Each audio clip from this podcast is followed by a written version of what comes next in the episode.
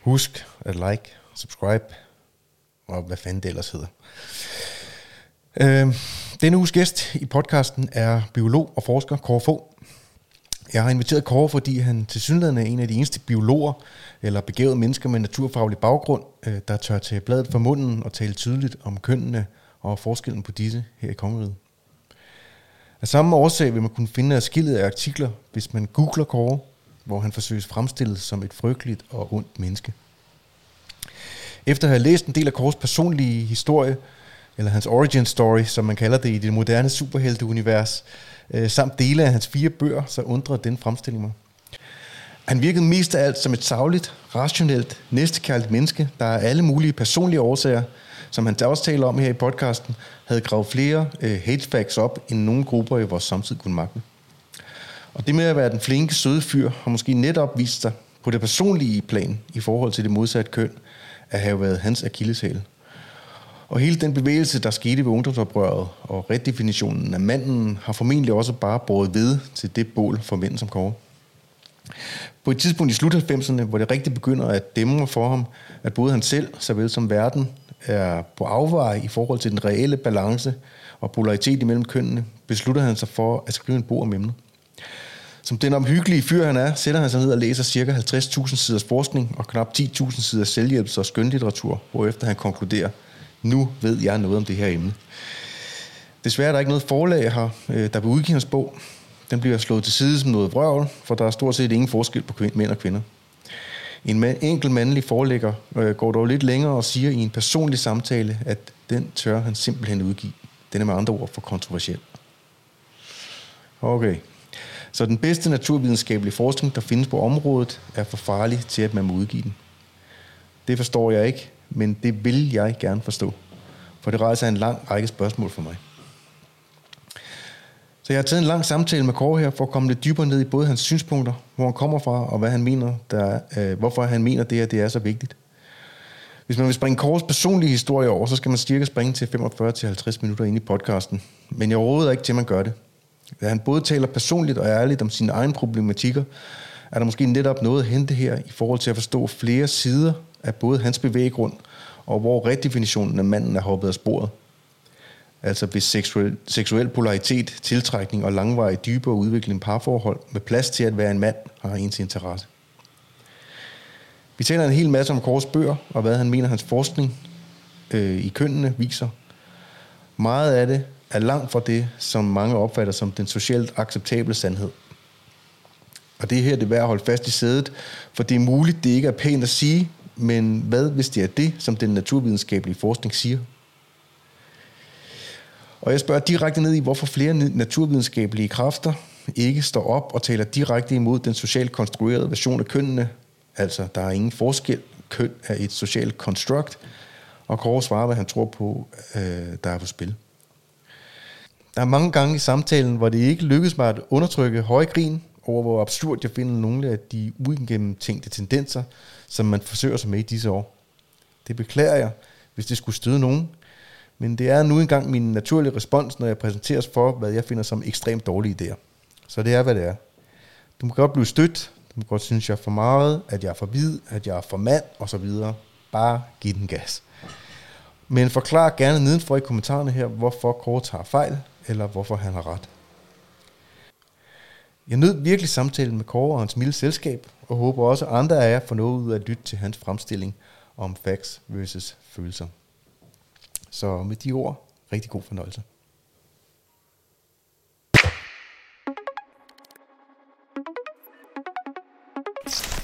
Hvis du har de holdninger til biologiens rolle i kønsspørgsmål, som jeg har, mm-hmm. så kan du ikke blive ansat ved Dan- Dansk Universitet. Det kan du ikke.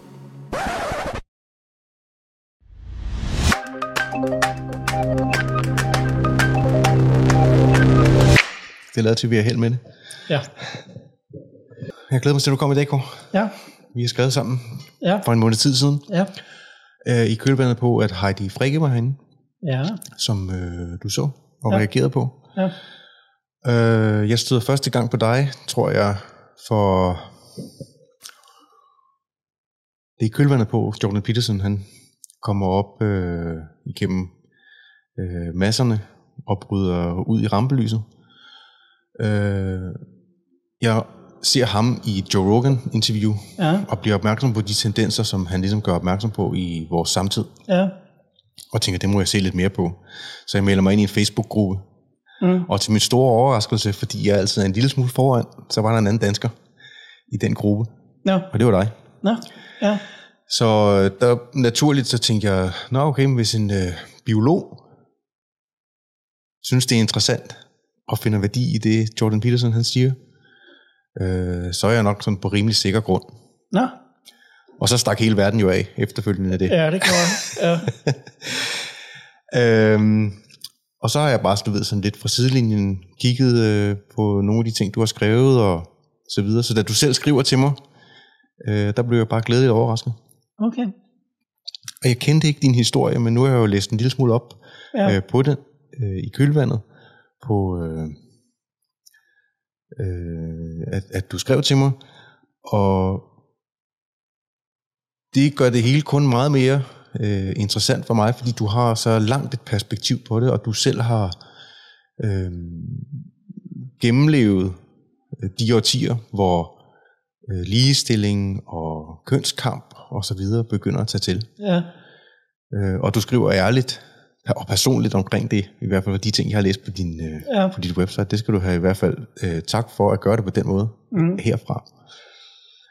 Øhm, så det kunne jeg godt tænke mig både at have en samtale omkring, hvor er det, vi kommer fra igennem dine øjne. Og jeg kan se, at du har taget dine bøger med også. Ja. Øh, tage en øh, snak omkring, Ja. hvad, øh, hvad er det, du ser, hvad er det, du oplever. Ja. Øh, og da du er et grundigt menneske, Ja. det er i hvert fald min, det er sådan, jeg oplever det, Det er jeg. øh, også at fremføre en form for dokumentation eller dit datagrundlag og så videre for, Ja. for at øh, ja. ja. træffe de konklusioner, som du gør i dine ting. Ja. Og også, også øh, lige så meget for, hvor- hvorfor er det, du synes, det er vigtigt. Altså, hvorfor er det, hvorfor er det vigtigt at bruge tid på de her ting? Øh, Ja. og hvorfor er det, det er blevet... Og det synes jo i hvert fald sådan igennem mine øjne, at det er blevet mere og mere vigtigt. Jamen, det altså, er det. Vi, vi kommer til at øh, mere og mere debatten kommer til at handle om køn, og bliver fedtet ind i dogmer og idéer og øh, konklusioner, som hænger fast, selvom de måske ikke nødvendigvis er sande, Ja. eller at der er konklusioner, der er mere sande, Ja. end de let fordøjelige. Ja, nu altså øh, langt hen i forløbet øh, i 2013, der startede jeg en, en, øh, en side på kønsdebat, øh, på, på Facebook, der hedder Kønsdebat. Mm-hmm. Øh, og det kan vi vende tilbage til, hvorfor jeg gjorde det. Øh, og jeg var sådan lidt, ja, er der nu stof nok til det? Ikke? Altså, øh, jeg skrev sådan nogle, en liste op på nogle emner. Jeg havde en ambition om, jeg skulle i hvert fald have et opslag om ugen, sådan for lige at holde lidt interesse fast. Ja, ikke? ja. Så, så jeg havde nogle emner i reserve, hvis det var, der var en tom uge. Ikke? Mm. Det er syv og et halvt år siden. Du, altså her i efteråret øh, 20, øh, det har været så hektisk, ikke? Der, er- der har vel været i gennemsnit fem opslag om dagen, ikke? Øh, nogle dage 10 opslag, ikke? Øh, øh, og jeg har øh, en enkelt gang nærmest øh, lagt en undskyldning på siden om, at undskyld, jeg slår så meget op, men der er så meget, der er vigtigt, ikke? ja. Altså bare siden 2013, det eksploderede. Øh, men øh, hvis jeg øh, skal vende tilbage til begyndelsen, det, du vil godt ligesom have udviklingsforløbet, ikke? Jeg, jeg er i hvert fald interesseret i, øh, hvordan var det at være mand dengang? Hvad var det, der skete? Hvad var det for nogle mekanismer, Ja. der gik i gang? Hvad tænkte man øh, i det øjeblik, at øh, Ja. du ved, at ligestillingen begyndte at hamre løs? Ja. Og, og jeg kommer, det kan jeg jo lige så godt helt tydeligt melde ud. Jeg, jeg, jeg synes jo, at øh, alle mennesker, uanset øh, hvilket køn øh, man synes, man er, øh, skal have lige muligheder for at udfolde sig i et samfund. Ja. Altså jeg synes, øh, at øh, man skal have lov til at forfølge og have lige adgang Ja, i så vidt omfang, som det overhovedet er muligt, ja, for at øh, leve det liv, som man har lyst til. ja, Velvidende, at de valg, man træffer, selvfølgelig altid vil have konsekvenser. ja. Og de konsekvenser er så positive eller negative, men, men Men jeg vil godt give dig lidt øh, sådan, simpelthen, øh, okay, jeg er født i 49, prøv at trække den ned, helt ned foran munden på dig. Sådan, Ja, ja det er sådan så, ja. ja. Jeg er født i 49, Ja. øh, så øh, jeg har været barn i 50'erne, øh, som kan man sige med hensyn til forholdet mellem kønnene er en helt, helt anden tidsperiode, end vi har i dag. Ikke? Ja. Så jeg har jo sådan set gennemlevet øh, personligt øh, de forskellige faser i, i forholdet mellem kønnene, øh, frem til hvor vi står nu med MeToo-bølge og sådan noget. Ikke? Mm-hmm. Øhm, og øh, 50'erne, øhm, ja, altså min far øh, tjente pengene, og, og min mor var hjemmegående, ikke? og det hun gik op i, det var sine, sine tre sønner, ikke? Øh, og passe familien. Øh, der, det var jo det traditionelle kønsrollemønster, ikke? Ja. Øh, og det var sådan en harmonisk og, og tryg øh, kernefamilie, og der var aldrig nogen problemer af nogen slags, øh, og så videre. Det var, det var en, en tryg tilværelse. Mhm. Øhm, og øh, min, min mor var sådan øh, noget, øh, altså temmelig kristen. Øh, ikke, ikke så fanatisk, men altså det, det spillede en rolle for hende, at man, jeg lærte, at man skal være et godt menneske først og fremmest, og ja, ikke mindst skal man jo være god mod kvinderne, ikke? Ja, ja. som, som mand. Øhm, en kort periode var hun meget optaget af moralsk oprustning. Det var sådan en bevægelse der i 50'erne. ikke? Mo- moralsk oprustning. Ja, øh, det var sådan en bevægelse, der var der i 50'erne. ikke? Okay.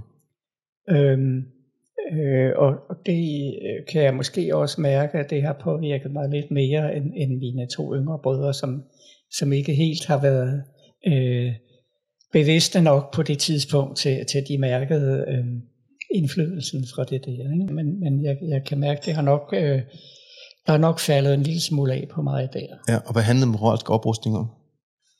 Øhm, der var fire absolutter. Absolut ærlighed. Absolut kærlighed. Og jeg kan ikke huske, hvad de to andre er.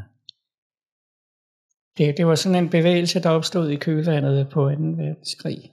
Okay. Øh, og, og noget med de allieredes øh, behandling af øh, de overvundne og, og sådan noget. Det, men men det, var, det var noget med altså, at, øh, at øh, en høj moralsk standard hos, hos den enkelte person. Ikke? Okay, ja. ja. Ja. Og min far gjorde lidt grin med det og sagde, øh, absolut besværlighed, men altså, øh, han, øh, min, min mors øh, stærke øh, følelser omkring øh, sådan nogle ting med, at man skal være et godt menneske og sådan noget. Ikke? Det, Ja. Sådan, okay. Sådan, øh, hun var jo sådan den, der, der lagde stemningen, kan man sige, ikke? Og, det kunne min far jo ikke øh, sige noget imod, vel? Altså, Nej, det, nej. det er jo indlysende, at man skal forsøge at være et godt menneske, og være venlig mod andre, og tænke på andre, og tage hensyn, og så videre. Ikke? Øhm, øh, det, det, det har jeg fået lidt ind med modermælken, tror jeg. Ikke? Øh, og og øh, øh, har jo ikke, altså ikke oplevet noget, der, der modsagde det, kan man sige. Vel? Nej. Og så kommer så 60'erne, og der begynder det jo sådan at blive lidt mere, øh, skal vi sige, moralen går en lille smule i opløsning, ikke? Der kommer p-pillen og, og, og fri abort og, og de ting der, ikke? Øh, så, øh, øh, så, så min generation af, af, af kvinder, de bliver jo så noget mere frigjort, når de når op i den alder der, ikke? Mm. Øhm, og så kommer 1968-oprøret, som, som var, altså, som jeg oplevede det, det var meget pludseligt. Lige pludselig, så var alle normer lavet om. Hvor bor du henne på det tidspunkt? Der bor jeg stadigvæk hjemme hos mine forældre. Ikke? Så- Jeg, jeg er stu- student fra 1968, ikke? Og du, hvor hen i landet er det? Øh, det er nord, øh, nord for København, ikke? Nord for København, ja. øh, en af forstederne. Ikke? Okay. Øhm, og øh, så begynder jeg også at studere øh, der, og bliver kendt i 75, ikke? så der er de syv år der, jeg har studeret, ikke? der boede jeg stadigvæk øh, hos mine forældre, ikke? da jeg kunne cykle ind til universitetet, ikke? og studerede biologi. Ikke? Øhm, og derefter så flyttede jeg så hjemmefra. Ikke? Men altså, øh, jeg oplevede jo 68 på universitetet, det brød lige løs samme forår, som, som jeg så startede der 1. september på universitetet. Ikke? Øhm, og det var, det var en, en, en total omvæltning af, af, hvad der var rigtigt og forkert i forholdet mellem kønnene. I forhold til, hvor man kom fra. I, i, i forhold til, hvordan kønnene skulle omgås. Ikke? Nu var det ja. pludselig, for, altså, de skulle gøre, gøre op med professorvældet og øh, de reaktionære gamle mænd og, og sådan noget. Ikke? Okay. Øh, og og øh, forskning for folket, ikke for profiten og, og, og det hele. Ikke? Øhm, og der var blandt andet noget, der hed Studenterbladet Q, som jeg så fik som studerende. Ikke?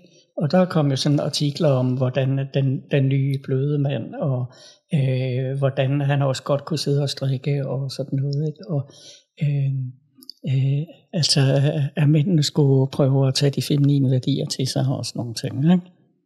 Og, og, og det var sådan, ja, det var noget, skeptisk over for, vil jeg sige. Ikke? Men, men der pludselig så, så var betingelserne simpelthen nogle andre. Ikke? Altså med den opvækst, jeg havde, jamen der var jeg jo sådan set opdraget til, okay, øh, det var vigtigt at komme ind, hvor man tjener rimelig penge, sådan at man kan skal vi sige, holde en hustru, ikke, som så kan gå hjem og passe børn. Ikke? Det, mm. det er jo sådan, ja. det er familiemønster, jeg kendte hjemmefra, det skulle jeg så gentage i min egen ja. generation. Det var vel også det familiemønster, som de fleste kendte på det tidspunkt, eller hvad? Ja, ja. det var det jo. Ja. Altså, den type kernefamilie, jeg boede i, jamen det gjorde de fleste vel, ikke? Ja.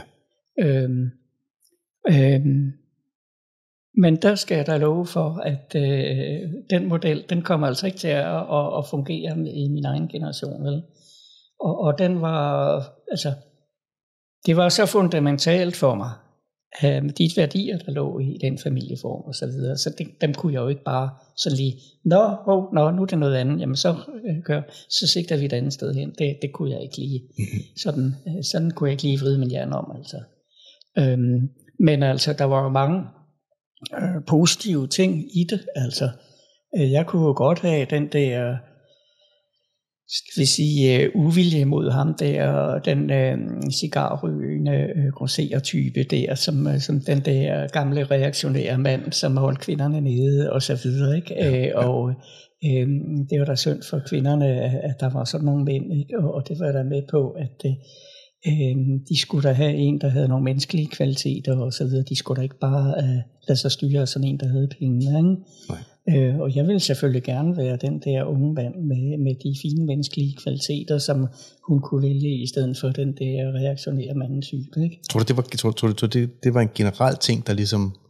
Ja, det var, det var temmelig generelt. At, ja. at, at mænd på det tidspunkt tænker, jeg, jeg bliver nødt til at være øh, mere rund og blød for at... Øh... Jamen, det var ikke noget med at, at, at, at være nødt til det. Nej. Øh, men det var noget med, jamen det, det, det, det kunne jeg da se det rigtige i. Ikke? Ja, ja okay. Øh, og man kan sige, øh, hvis jeg er opdraget i en kristen ånd, hvor det vigtige det er de indre kvaliteter. Ikke? Mm-hmm. Øh, det rimede det jo fint nok med. Ja. At det er de indre kvaliteter, altså det der, han kommer i en fin sportsvogn og så videre, ja, men er, er han et ordentligt menneske, ikke? Klart. Altså, Ja. jeg, jeg havde ikke nogen fin sportsvogn, og jeg kørte på cykel, ikke? Men jeg vil gerne være et ordentligt menneske, ikke? Ja. Øhm, så, øh, øh, og, og det, kan, det kan man altså, det tror jeg også, jeg har en lille smule kilder til i den første af mine bøger, sådan, øh, jamen, hvad tænkte mændene dengang? Altså, der, der findes jo kilder til det, hvor man kan, øh, bøger, hvor man har samlet nogle bidrag og så videre, man, man kan læse, hvordan mændene tænkte dengang. Ikke? Ja. Øhm, øh, og det var jo så også der, hvor man begyndte at lade håret, altså øh, man skulle ikke være karsklippet, vel? Altså håret gået, altså The Beatles havde ligesom lavet revolutionen der med hårlængden. Øh, og det var, så man, var man jo også lidt mere feminin. Ikke? Min mor, hun, øh, øh, hun gik højt op i at strikke, og kontaktede hende, der stod for hønsestrik. Øh, Så hun kom på besøg, og jeg altså oplevet at blive foldet ud mand på midtersiderne i hønsestrik. det er starten af 70'erne. ikke? Øh, Så det var jo også en del af tiden. Ikke? Ja. Øhm, Folde ud, mand. ja, ja, og det, er- det, er der, det er der altså ikke mange, der har noget af det der, vi folder ud mand i hønsestrik. Vel? Nå, øhm, så øhm, det, det, det var lidt tiden der, ikke? Og, og, og så kom Miljøbevægelsen, ikke? Og Foreningen NOA, som var en øh, antiforureningsforening, øh, forening, den øh, øh, blev jo startet på, af, af biologistuderende øh, i foråret 69. Altså det, det, det var en, en del af det, jeg oplevede på universitetet, og jeg gik... Øh, jeg var jo også allerede i forvejen interesseret i, i miljøproblemer og pesticidforurening og, og de ting der. Ikke? Og, Grundet, grundet din biologi. Øh, ja, altså det, det er sådan set det, det jeg flasket op med. Mm. Altså skal vi sige op igennem 60'erne, der kom jo den der, det tavse forår, hvor det i 62, den kom første gang, der gik hul på det med, at pesticiderne er farlige. Ikke? Ja, okay. Og jeg var i en forening, der hed Natur og Ungdom, og, og der var, havde vi sådan en studiegruppe om, om forurening med pesticider og sådan noget, ikke? og øh, hvad der var af, af miljøproblemer med, med forurening af, af, af søer og åer og alt det der. Ikke? Altså det, det var en del af min opvækst af miljøinteressen, naturbevaring. Ikke? Og det, øh, det faldt jo fint øh, sammen med, det kom der så skub i der i øh, efter 68. Ikke? Mm. Øh, så øh, det var jeg jo også, øh, altså, det, det brændte jeg også for, ikke? Ja. og det gør jeg stadigvæk, altså. Det er jo, men det er sådan lidt tiden der, og det er jo den bløde mand, ikke? Ja. Du hopper med på det hele den bølge? Altså. Nej, jeg var noget, øh, jeg, nej, det vil jeg ikke sige. Okay. Altså, øh, altså, der var de der, hed de moderate studenter eller sådan noget, som var i opposition til, til studenterrådet, ikke? Men, men de var et lille mindretal og, og blev, blev næsten mobbet ud og sådan noget. Alle folk stemte på, på, på studenterrådet til, til stu, studenterrådsvalgene og sådan noget. Ikke? Øhm, og der var jeg måske nok sådan, øh, måske nok lidt mere sympati for, for moderate studenter og sådan noget. Ikke? Ja. Øh, der, der var øh, mennesker, som sidenhen er, er blevet noget kendt, øh, der var inden for det der. Ikke? Øh, men øh, nej, jeg var skeptisk, men jeg har øh, jeg da gemt nogle få eksemplarer af studenterbladet Q til, og, og kan sådan læse igen og se, nå, var det sådan, man tænkte dengang. Det er sådan, øh, har man en for erindringsforskydning, hvordan det var, så læser man det der. Det, det var jo sådan set ret radikalt. Ikke? Ja, ja. øh, hvad angår forholdet mellem kønnene. Men det betød jo så også, at øh, øh, betingelserne var nogle helt andre. Ikke? Og, og min tilgang var den der, som fra min opdragelse, at øh, de indre kvaliteter. Ikke? Jeg gik ikke højt op i mit udseende og mit tøj og sådan noget. Det skulle jeg måske have gjort. Det kan godt være, det gjorde jeg ikke, vel? Øh, nej, det skulle være de indre kvaliteter, ikke? og jeg var et godt menneske, og jeg gjorde noget godt for miljøet og så videre. Ikke? Øh, og så øh, blev jeg jo kandidat, og så øh, startede jeg nogle, noget, fik nogle forskningsstipendier, ikke? og jeg gjorde mig mange tanker om, øh, kan jeg udnytte min øh, intelligens til et eller andet forskning, som øh, nødvendigvis må føre til noget godt. Altså noget, der ikke kan misbruges. Mm. Altså, øh, hvad skal jeg bruge mit talent øh, skal jeg bruge til på en eller anden måde at gøre verden bedre. Ikke?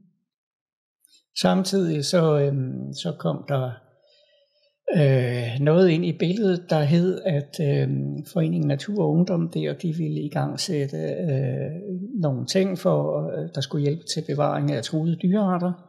Øh, og der ville man så tage fat på øh, padder og krybdyr, altså frøer og tusser og slanger og fireben og så videre, øh, som en overskuelig dyregruppe, og jeg havde øh, vist lidt interesse for det, så jeg blev genrejet til, at øh, så skulle jeg stå for en kortlægning af, af de dyr der i hele Danmark. Så det blev sådan en, en øh, undersøgelse med cirka 1000 deltagere, der kørte i 11 år. Så vi fik kortlagt, hvor de er henne, og det viste sig jo, at de var i meget stærk tilbagegang, og der var en meget stor, brug for en meget stor indsats Mm. øh, for at, at stoppe tilbagegangen, kan man sige. Ja, og, og det, de resultater, vi fik, fik der også en indflydelse på lovgivningen og sådan noget. Det. Øhm, men altså, det, det blev tydeligt efterhånden, at øh, det her, altså, øh, det kan vi ikke bare lade ske. Vi kan ikke bare lade klovfrøen og, og løvfrøen uddø. Altså, nogen må gøre noget. Klart. Ja. Og øh, det, nogen, det blev jo så mig. Det blev dig. Ja. øh, men altså, jeg brugte øh, de der 11 år, det var så øh, fra jeg øh, havde taget min kandidateksamen, og så mens jeg havde de der forskningsprojekter, så fritiden, øh, der passede den undersøgelse der. Så det, det gik ungdomsårene med, kan man sige. Ikke? Ja. Øh, så jeg var dybt engageret i sådan noget. Øh, skal vi sige idealistisk. Mm. Øh, og så kommer vi tilbage til kvinderne, fordi øh, efter 68, og nu er det ikke en cigarrygende grosserer længere, altså nu, nu, nu skal man have sådan en, en, en, en ligestillet fyr, og, og han gør noget godt for verden. Ikke? Ja. Det, det, det var det, vi skulle i 68. Ikke? Øhm, og jeg synes, jeg offrede en masse på at gøre noget godt i verden. Ikke? Øh, det, det var sådan lidt tilfældigt, det lige blev frøerne, men øh, folk spørger, hvorfor valgte du frøerne? Jeg siger, nej, det er frøerne, der har valgt mig. Ikke? Men altså, okay, øh, det er ligesom pligten kalder, ikke? Og, og, og der, var, der var brug for en indsats. Og øh, det har ført fantastisk meget med sig. Så efter de der forskningsprojekter, som blev lidt ud i sandet, øh, det kunne der siges meget om, men fra om det, så blev jeg sådan set professionel øh, inden for at redde øh, øh, troede bestanden af især frøer. Ikke? Ja. Øh, og det har jeg været i mange år. Og det har jeg gennemført en, en karriere på, kan man sige. Det har jeg også haft mit udkomme ved. Ja. Øh, og, og andre personer med udgangspunkt i samme øh, forening har, har også arbejdet på det. Vi har vel været en 5-10 mennesker i Danmark, der har, har levet af det der og arbejdet hårdt på det der. Ikke? Øhm, og så jeg været engageret i andre miljøforeninger og sådan noget. Så øhm, jeg synes, øh, jeg havde der mange kvaliteter. Ikke? Jeg er et venlig omgængelig menneske. Jeg er opdraget til at være hensynsfuld over for kvinderne og gøre alt godt for dem. Og jeg kæmper for en bedre verden og så videre. Ikke? Du levede op til de krav, som der blev... Det, det synes jeg sådan set. Ikke? Ja. Øhm, men altså, øh, der var jo ikke nogen form for succes hos kvindekønnet. Ikke? Okay. Øhm, og øh, det var ligesom, okay, jeg, jeg gjorde indsatsen, men jeg fik ikke belønningen. Ja.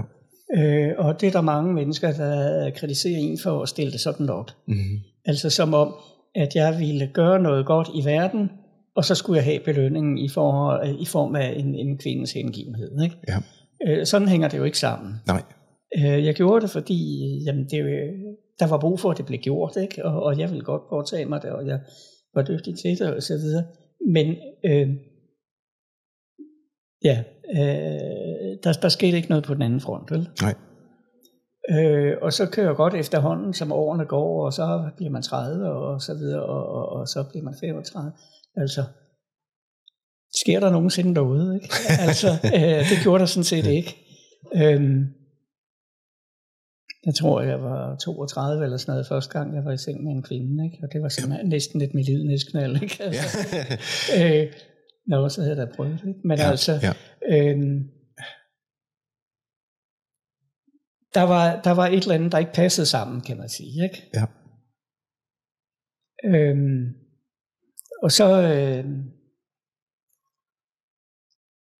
jeg kan, altså der skete jo også den ændring, at for kvinderne, det der gav den helt store ændring, det var, at nu skulle kvinderne vælge uddannelse, før de skulle vælge partner.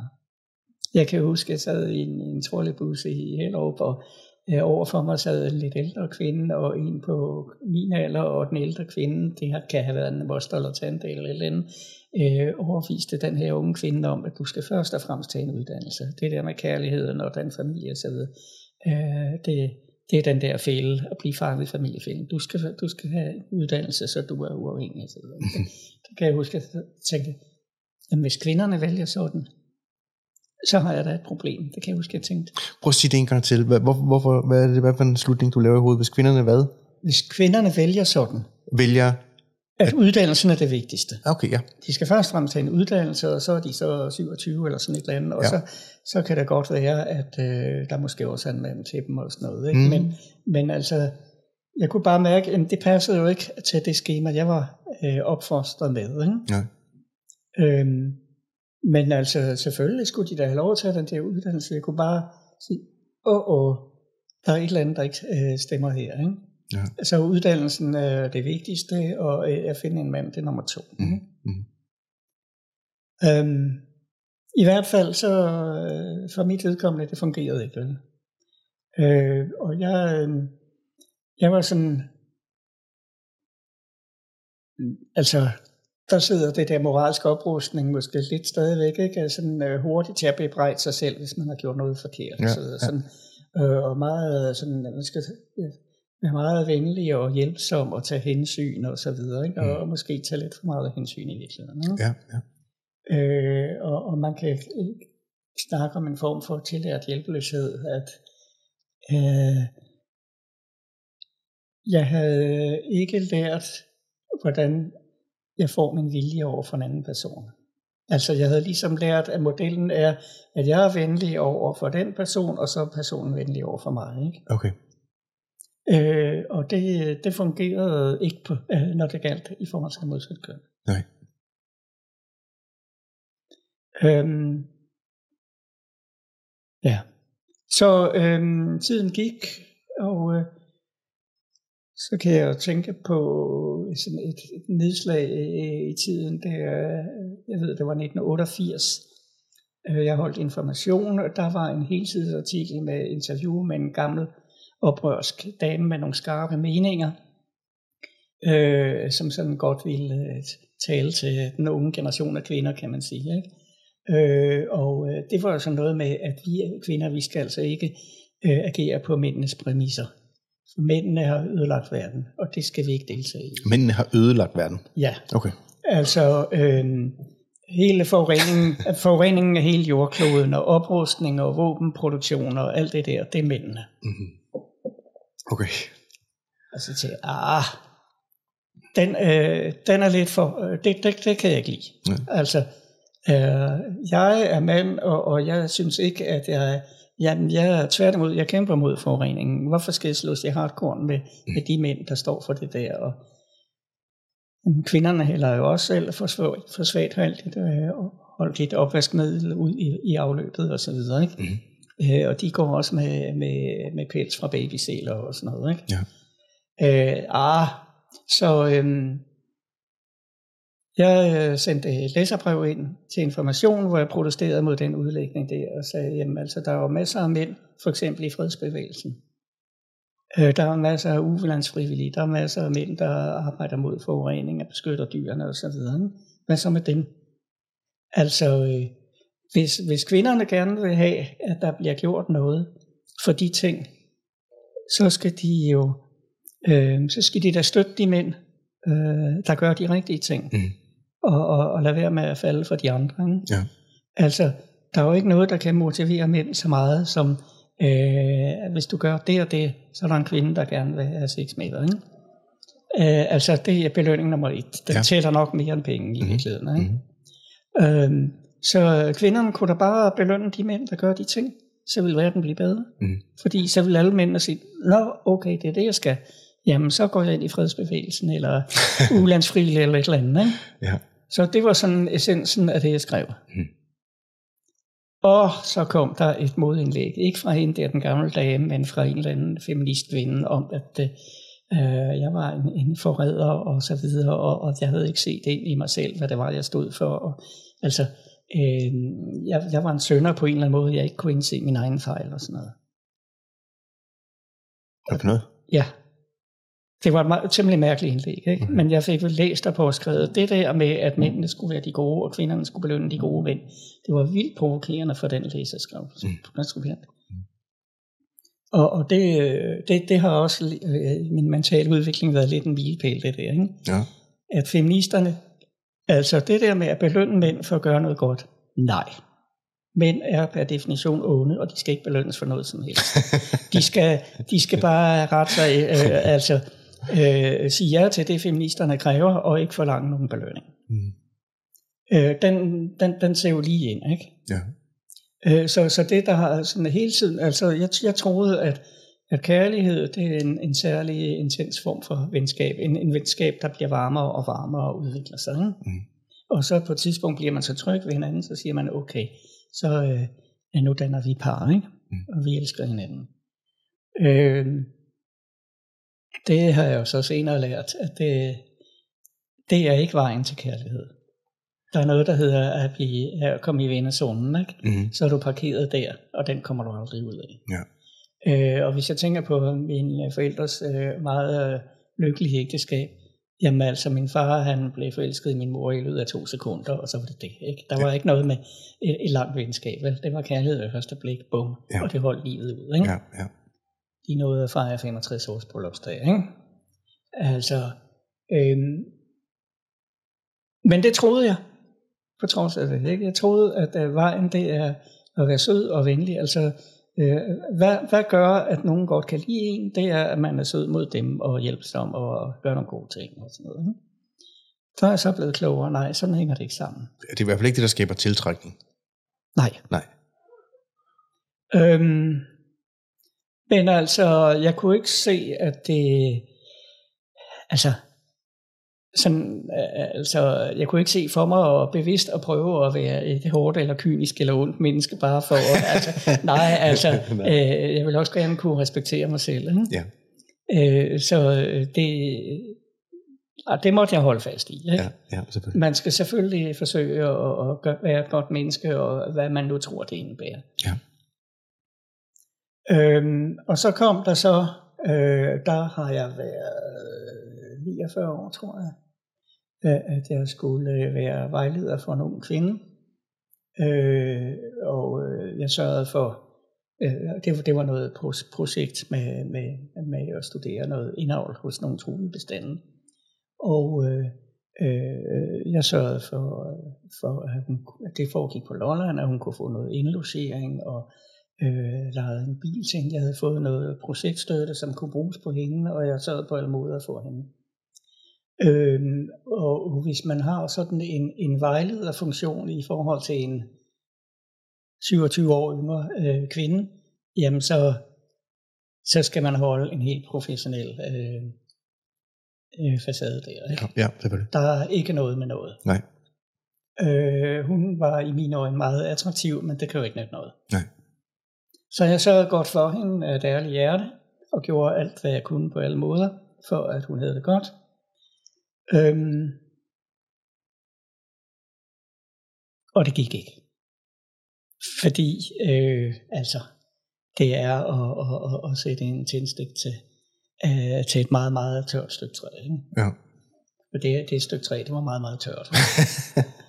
øhm, så til sidst, så, så var det så stort problem for mig, at jeg blev nødt til at skrive brev til hende. Ikke?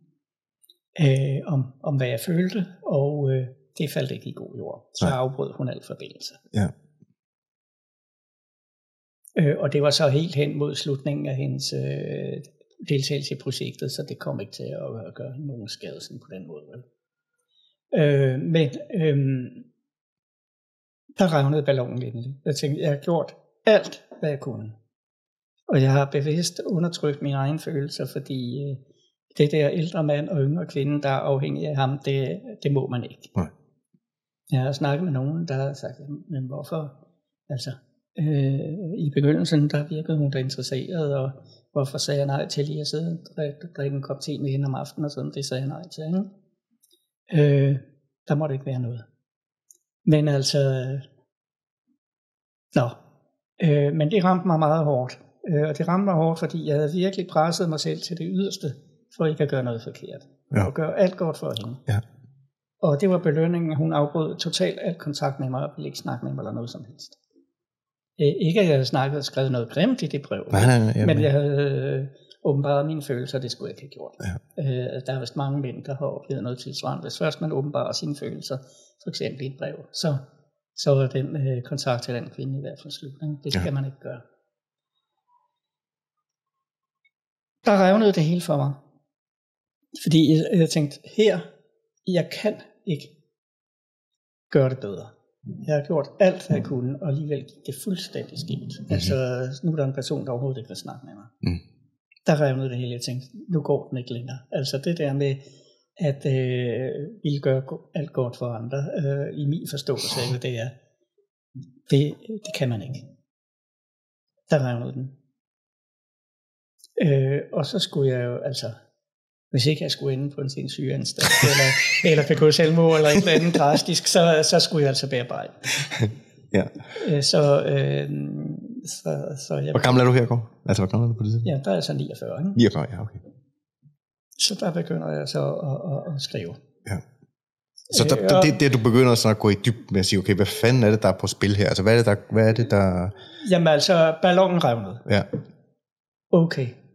Øh, og så synes jeg, at jeg har en pointe, at øh, sådan der skal man altså ikke opføre sig. Man skal ikke være god og venlig og øh, tage meget hensyn osv., for det, man bliver ikke belønnet for det. Mm.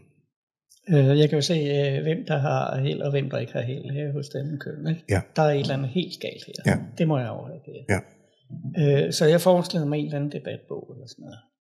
Men så fik jeg forskellige input øh, af sådan noget mere fagligt, skabelig karakter om forhold, forskellen mellem kønnene og sådan noget. Ikke? Mm-hmm. Det havde også gjort stort indtryk på mig, der var noget, der hed det internationale hjerneår. Og og der var i vores kommune, der var sådan en eller anden studiekreds, eller der kom et foredrag eller et eller andet. Og så var der noget om, hvordan hjernen ser ud hos en kvinde og hos en mand, og de var forskellige. Det må man ikke sige i dag. Det måtte man heller ikke det til. Nå, okay. Hvad? Kan man sige det? Ja. Nå. Altså, øh, så der var noget der, ikke? Ja. Øhm, så, øhm, så skrev jeg jo noget, og, og, og for ligesom, og, og, at det her, det er altså sandt, ikke? Så, så ville jeg jo belægge det med noget videnskab, ikke? At der er de og de forskelle mellem kønnene og sådan noget, ikke? Og der er nogle hormoner, der spiller ind og sådan noget. Det havde jeg sådan læst op på, ikke? Mm.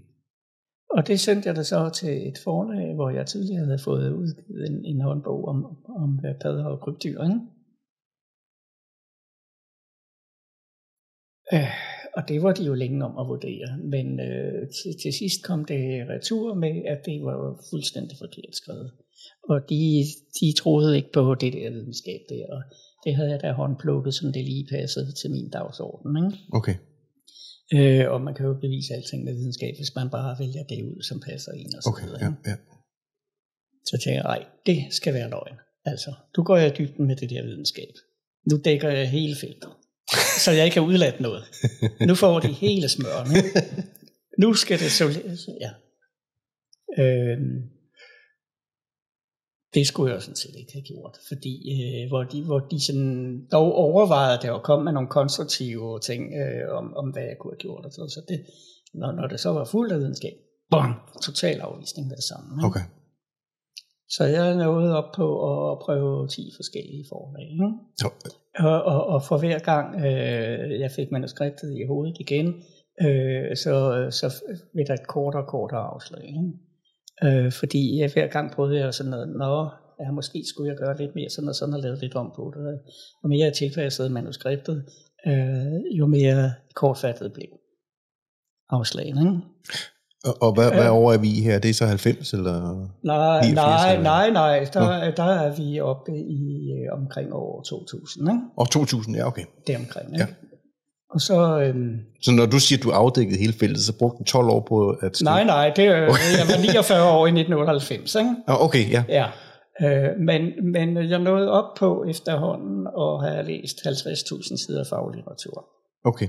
Og for ikke at være en, en snæver øh, øh, seende øh, fagidiot, så øh, tog jeg også fat i noget forskelligt, sådan skønlitteratur og sådan noget mere sådan Okay. terapilitteratur og sådan nogle ting. Noget, noget sådan i den mere løse afdeling. Ikke? Ja, ja. Så måske 60.000 sider. Ikke? Jeg synes, nu, nu vidste jeg noget om det her. Og bagefter kan jeg ikke... hvor- Hvordan har jeg nogensinde nået at læse 60.000 sider? Det ved jeg ikke. Men, men det havde jeg altså. Øh, så er, er, er det, som jeg så brugte i bogmanuskriptet. Ikke? Øhm, og, og, og til sidst, så synes jeg, at det her, det er, det er altså ondskabsfuldt, den måde. Og så holder de, så det ene forlag, de holdt på manuskriptet i, i, i syv måneder, og, og da der endelig kom et svar, så var det på syv linjer med det her kunne de ikke bruge. Ikke? Og det svar kan jeg jo ikke bruge til noget. Altså, jeg har arbejdet i overvis og læst 60.000 sider litteratur, og så kommer der syv linjer om, at det her, det er fordi kan. Ikke? Det er ikke en rimelig behandling. Nå, og så tænkte jeg, det her, det, nå, ja. Så sendte jeg bare et brev ud til 10 andre forlag om, at øh, øh, jeg har altså et manuskript om noget med forholdet mellem kønnene, og sådan lige ganske kort forklare, hvad det var. Øh, vil I eventuelt være interesseret i at se det manuskript? Så det sendte jeg ud til 10 forlag på en gang, fordi hver gang havde jeg ventet på svaret fra det ene forlag, Mhm, inden jeg sendte det til det næste. Og så jeg, jamen det kan jo tage hele mit liv, altså hvis jeg skal vente syv måneder hver gang. Ikke? Øhm, det brev sendte jeg ud, og, og der var ingen positive svar. Altså bare det, at jeg har skrevet en bog om forholdet mellem køn og biologisk synvinkel og sådan noget, det var der ingen, der ville. Det, øh, tror du, de ikke tør, turde røre ved det, ja. eller var, de bare så, var det så diametralt modsat øh, det, det kønssyn, man havde på det tidspunkt, at man siger, det er der ikke nogen, der vil købe? Altså, øhm, jeg fik svar fra en. Okay. En, en, en mandlig redaktør af det forlag. Mm-hmm. Øh, jeg fik svar fra, hende, fra ham, og han, øh, jeg kan ikke huske, om han ringede eller skrev, og han sagde, det der, det tør jeg ikke. Okay. Øhm, og han prøvede at komme med nogle forslag til, hvad jeg ellers kunne gøre. Mm-hmm. Og der var noget med, for Forfatterforeningen har en forlæsordning eller et Et eller andet, ja. ja. Ja. Øh, men han sagde, det tør jeg ikke. Okay. Senere øh, hen har jeg øh, øh, studeret, hvad andre har oplevet i samme retning, og det er altså ikke nogen enestående oplevelse. Nej. Jeg har blandt andet korresponderet med en tysker, han var på at prøve 100 forlag. Og han har skrevet noget tilsvarende bare i Tyskland, eller? Ja, det kan du sige. Ja. Noget lidt øh, samme emne, ikke? Okay. Han, han nåede op på 100 afslag. det, det skulle helst ikke ud, det der. Men, men altså, nej. Øh, og, og, og andre, øh, de siger direkte i samme øjeblik, øh, det der mandesynspunkt kommer ind, øh, og ser tingene fra mandens synsvinkel, så er der en eller anden feministisk indstillet kvinde, der råber og skriger, og, og, og det er en katastrofe, og det må I ikke, og så videre. Og, så, og så bøjer mændene sig. Ja. Det tør de ikke. Nej, okay. Øh, det er der masser af mennesker. Mm. Især USA og England, ikke? men også øh, Tyskland og, og så videre. Ja. Øhm, det har jeg faktisk øh, sammenfattet, hvordan øh, jeg samlede de her historier om, hvordan folk er blevet afvist. ikke? Mm. Øh, så, så øh, det kan ikke udgives. Men så, øh, så havde jeg kontakt til en ældre mand, som, som havde noget problem med et forlag, og de ville lave om på hans tekst. Det var sådan nogle dyre historier, øh, på en måde, som man ikke ville have. Og så, så, så sagde han, "Jamen, så laver jeg mit eget forlag. Øh, og så sagde han, nå, kan man det? Så kontaktede jeg boghandlerforeningen og sådan noget, fik lidt instruktion, hvordan man gør. Okay, så oprettede jeg mit eget forlag. Mm. Så her er bogen, Så, der så kom det, ud af det der. Med, med de der det er den bog der, Ja, det er den bog. må sige. Hvor lang tid var du om at lave den? Ja, seks år. Ikke? Seks år. To køn, tre sandheder. Ja. Historien om Amos selvmål. Ja. Det ser sådan her ud, hvis man nogensinde støder på den. Ja. Kan den købes i boghandler i dag, eller hvad? Ja. Ja, det kan den så, ja. ja, men det er der ikke ret mange, der gør. Nej. Øhm, Og hvad handler den så? Hvorfor, hvad, hvad er det, vi ikke må vide? Hvad står der i den her, som, hvad er det, som jeg ikke må, må læse? ja, altså jeg har jo prøvet for eksempel at, at finde øh, litteraturbelæg for, at øh, øh, de drenge, der bliver opdraget på den måde, jeg er blevet opdraget med, at man skal være sød og venlig og hensynsfuld osv., Mm-hmm. og, og som øh, lærer at vende aggressioner indad, i stedet for at vende den udad. Altså, hvor man sådan set, hvis, øh, hvis der er en konflikt, så bekæmper man sig selv, i stedet for at bekæmpe modparten. Ikke? Mm. At øh, selv, altså selvbearbejdelsen, så for eksempel, ikke? at det virker meget, meget negativt på kvinder. En mand, han skal have et højt selvværd, ikke? han skal erobre verden og så videre. Ikke? Mm. Øhm, det er for eksempel, så find, findes der noget, det, kunne jo, det var min livs erfaring, ikke? Kunne jeg finde noget belæg i noget forskning for det? Det var ikke nemt, men jeg fandt lidt. Det var ikke nemt at finde belæg for. Nej, der, belæg- der, der, der er ikke mange, der har studeret de ting på den måde, men der er nogen. Der er lidt at finde. Ja. Altså psykologisk litteratur, noget om øh, forskellige opdragelsesformer, hvordan påvirker det øh, Okay. øh, personens personlighed og sådan noget. Ikke? Ja. Både for kvinder og mænd sådan set. Ikke?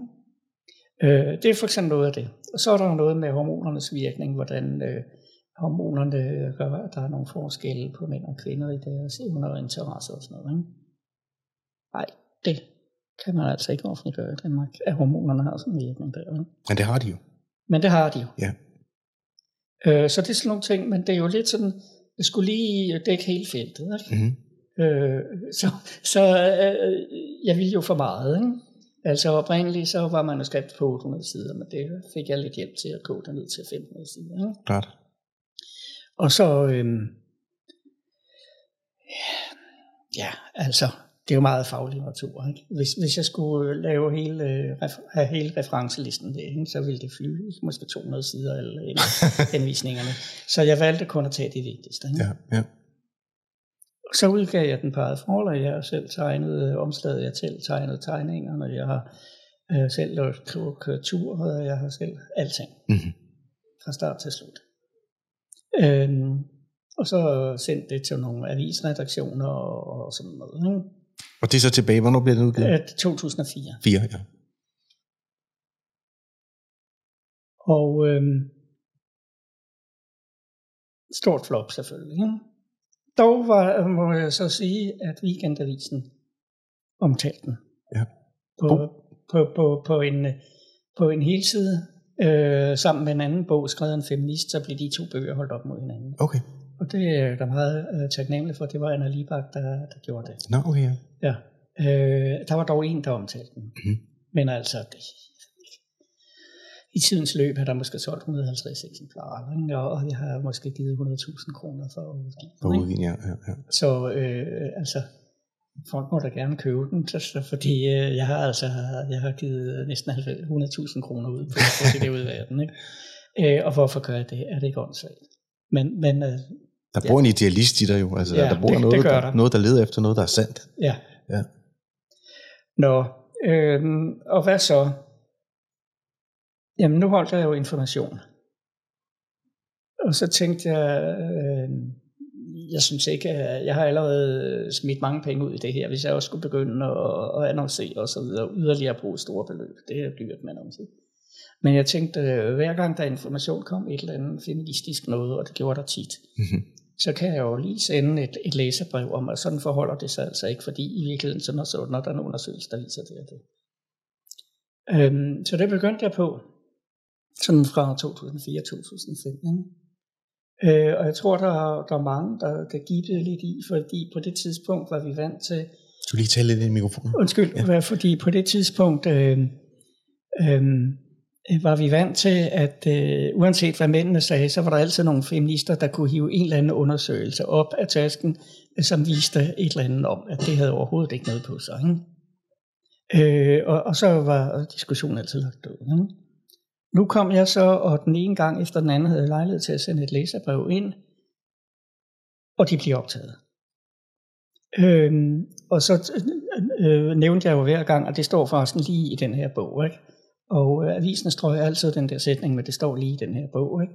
Men ellers bliver det optaget, ikke? Ja.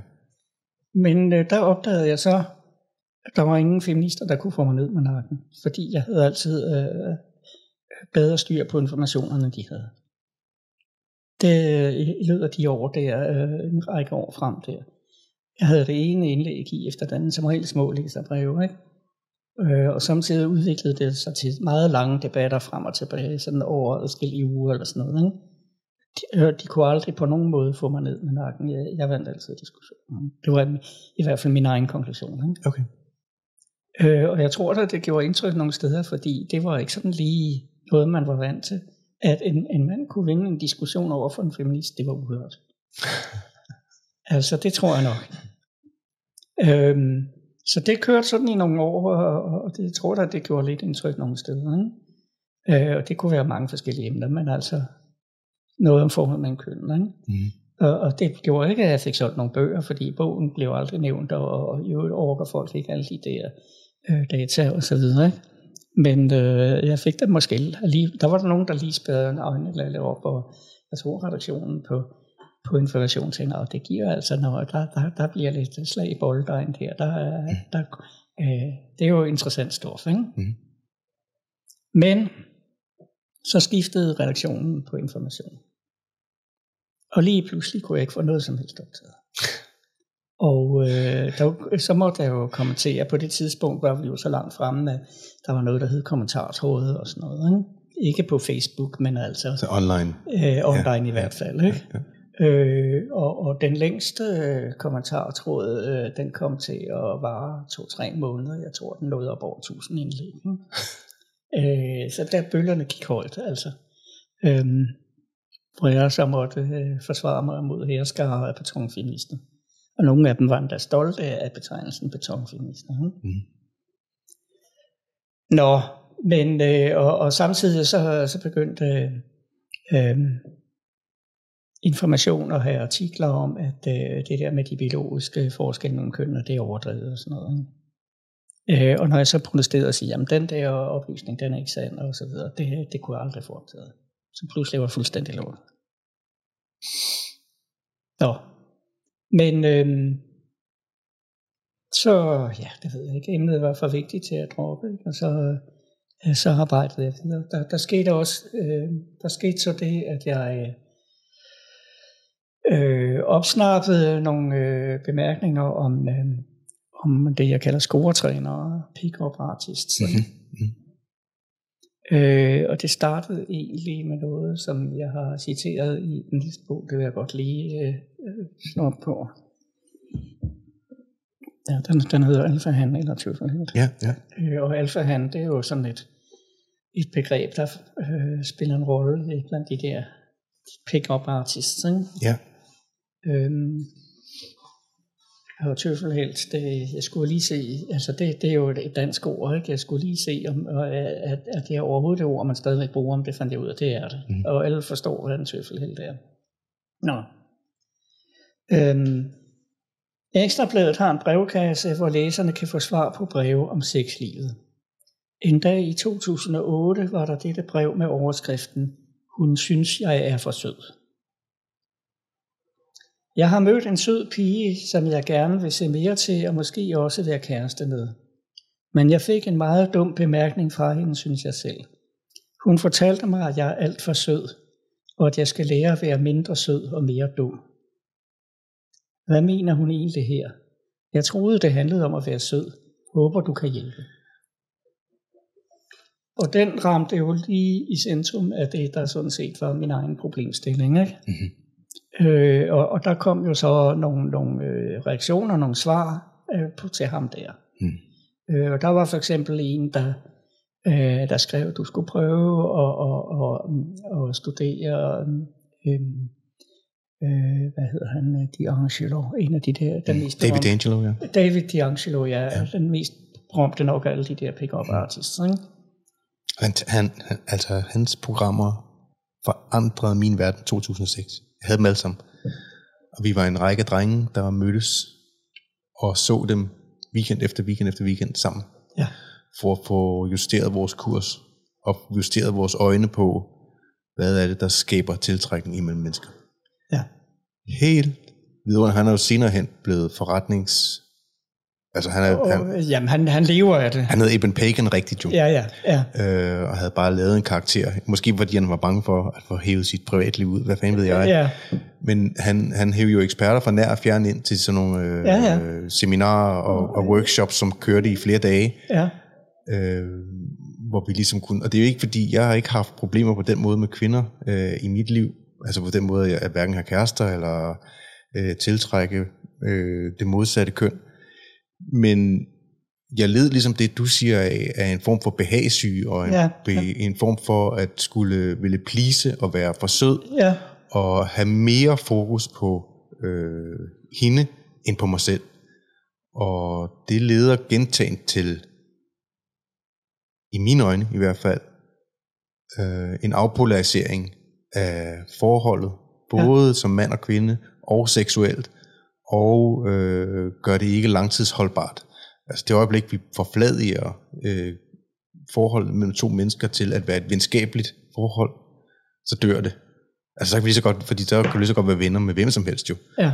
Og vi har fået vendt på hovedet, vi har fået vendt nogle af de mekanismer på hovedet, som skaber polariseringer, som skaber tiltrækninger, som skaber knist og ild øh, og varme, øh, og det, der gør, gør, at man bliver ved med at se hinanden som attraktive mennesker, øh, har vi fået vendt fuldstændig på hovedet i, og det er derfor, jeg er interesseret i at tale med dig. Hvad er det, der er lidt til, at øh, altså, hvor, hvor, hvor er det manden, manden med stort M, altså hvorhen er det, at han er løbet så galt i skoven, at han troede, at øh,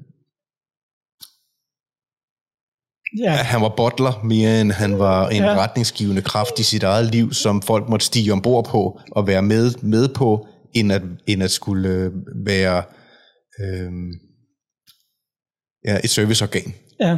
Fordi, Men, fordi i mine øjne ser det ja. ud som om, at de eneste, der har reelt succes med kvinder, og, og der må man jo også sige, for, for de mænd, der har levet igennem den periode, altså 50'erne, altså, eller i hvert fald fra, fra 60'erne og 70'erne og så videre, hvor, hvor, som du selv siger, det bliver meget langhåret og meget blødt og meget øh, øh, inkluderende og rummende, og man skal strikke, mm. og hvad har vi?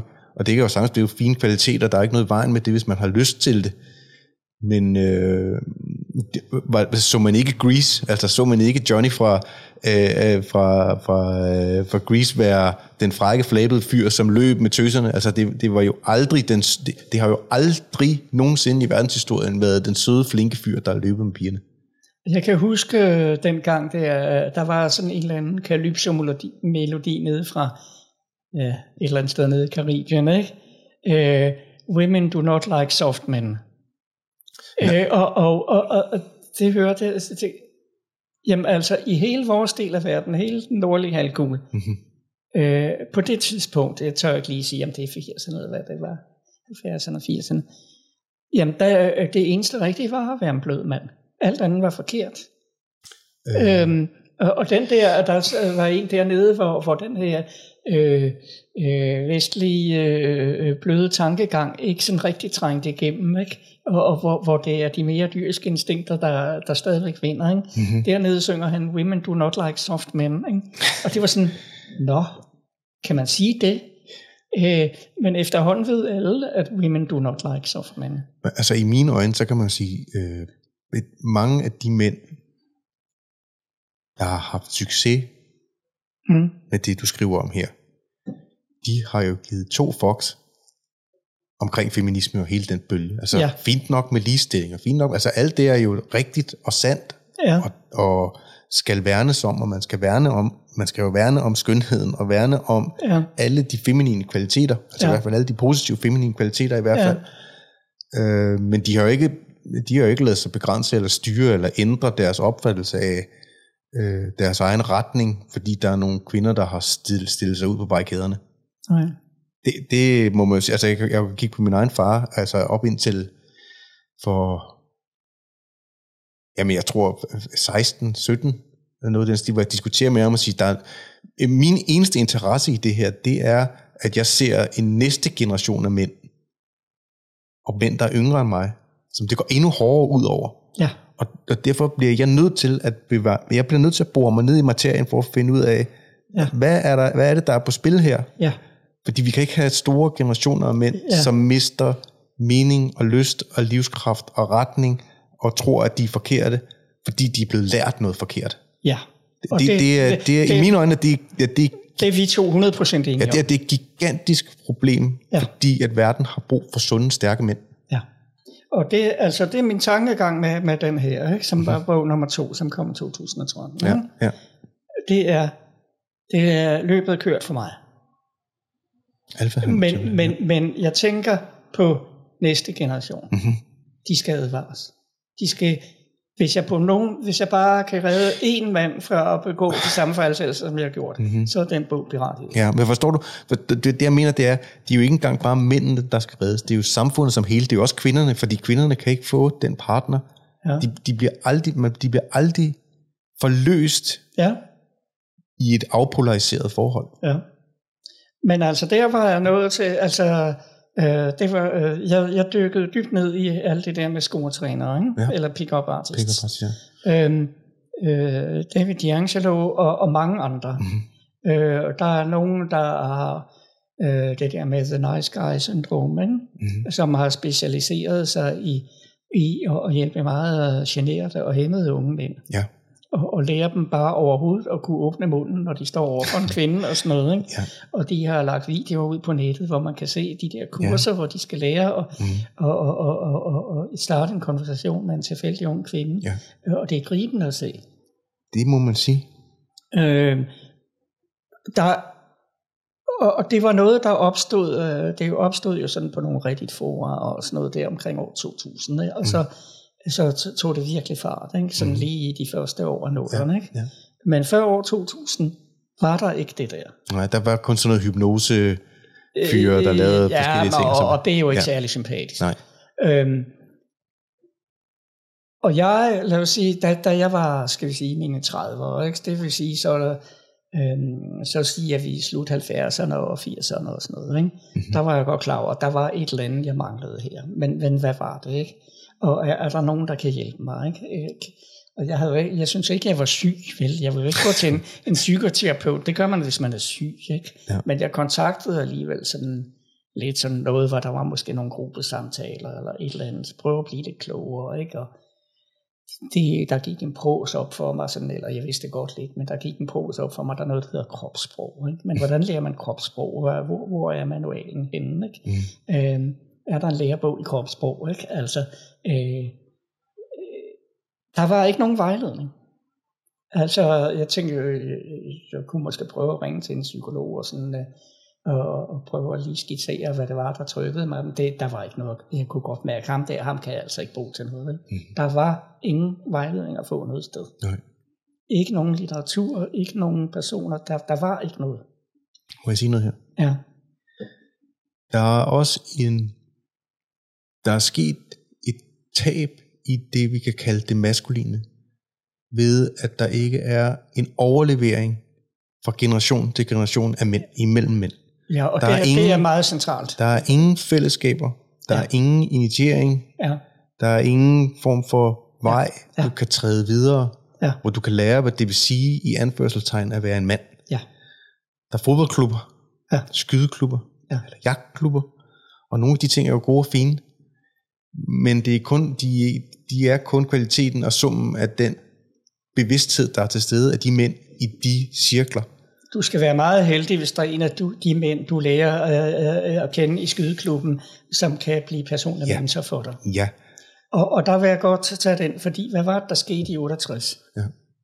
Det var sådan, ja. oplevede jeg det. Mm-hmm. Og lige pludselig, så var det, altså, min far kunne ikke fortælle mig, hvordan skal du være som dreng?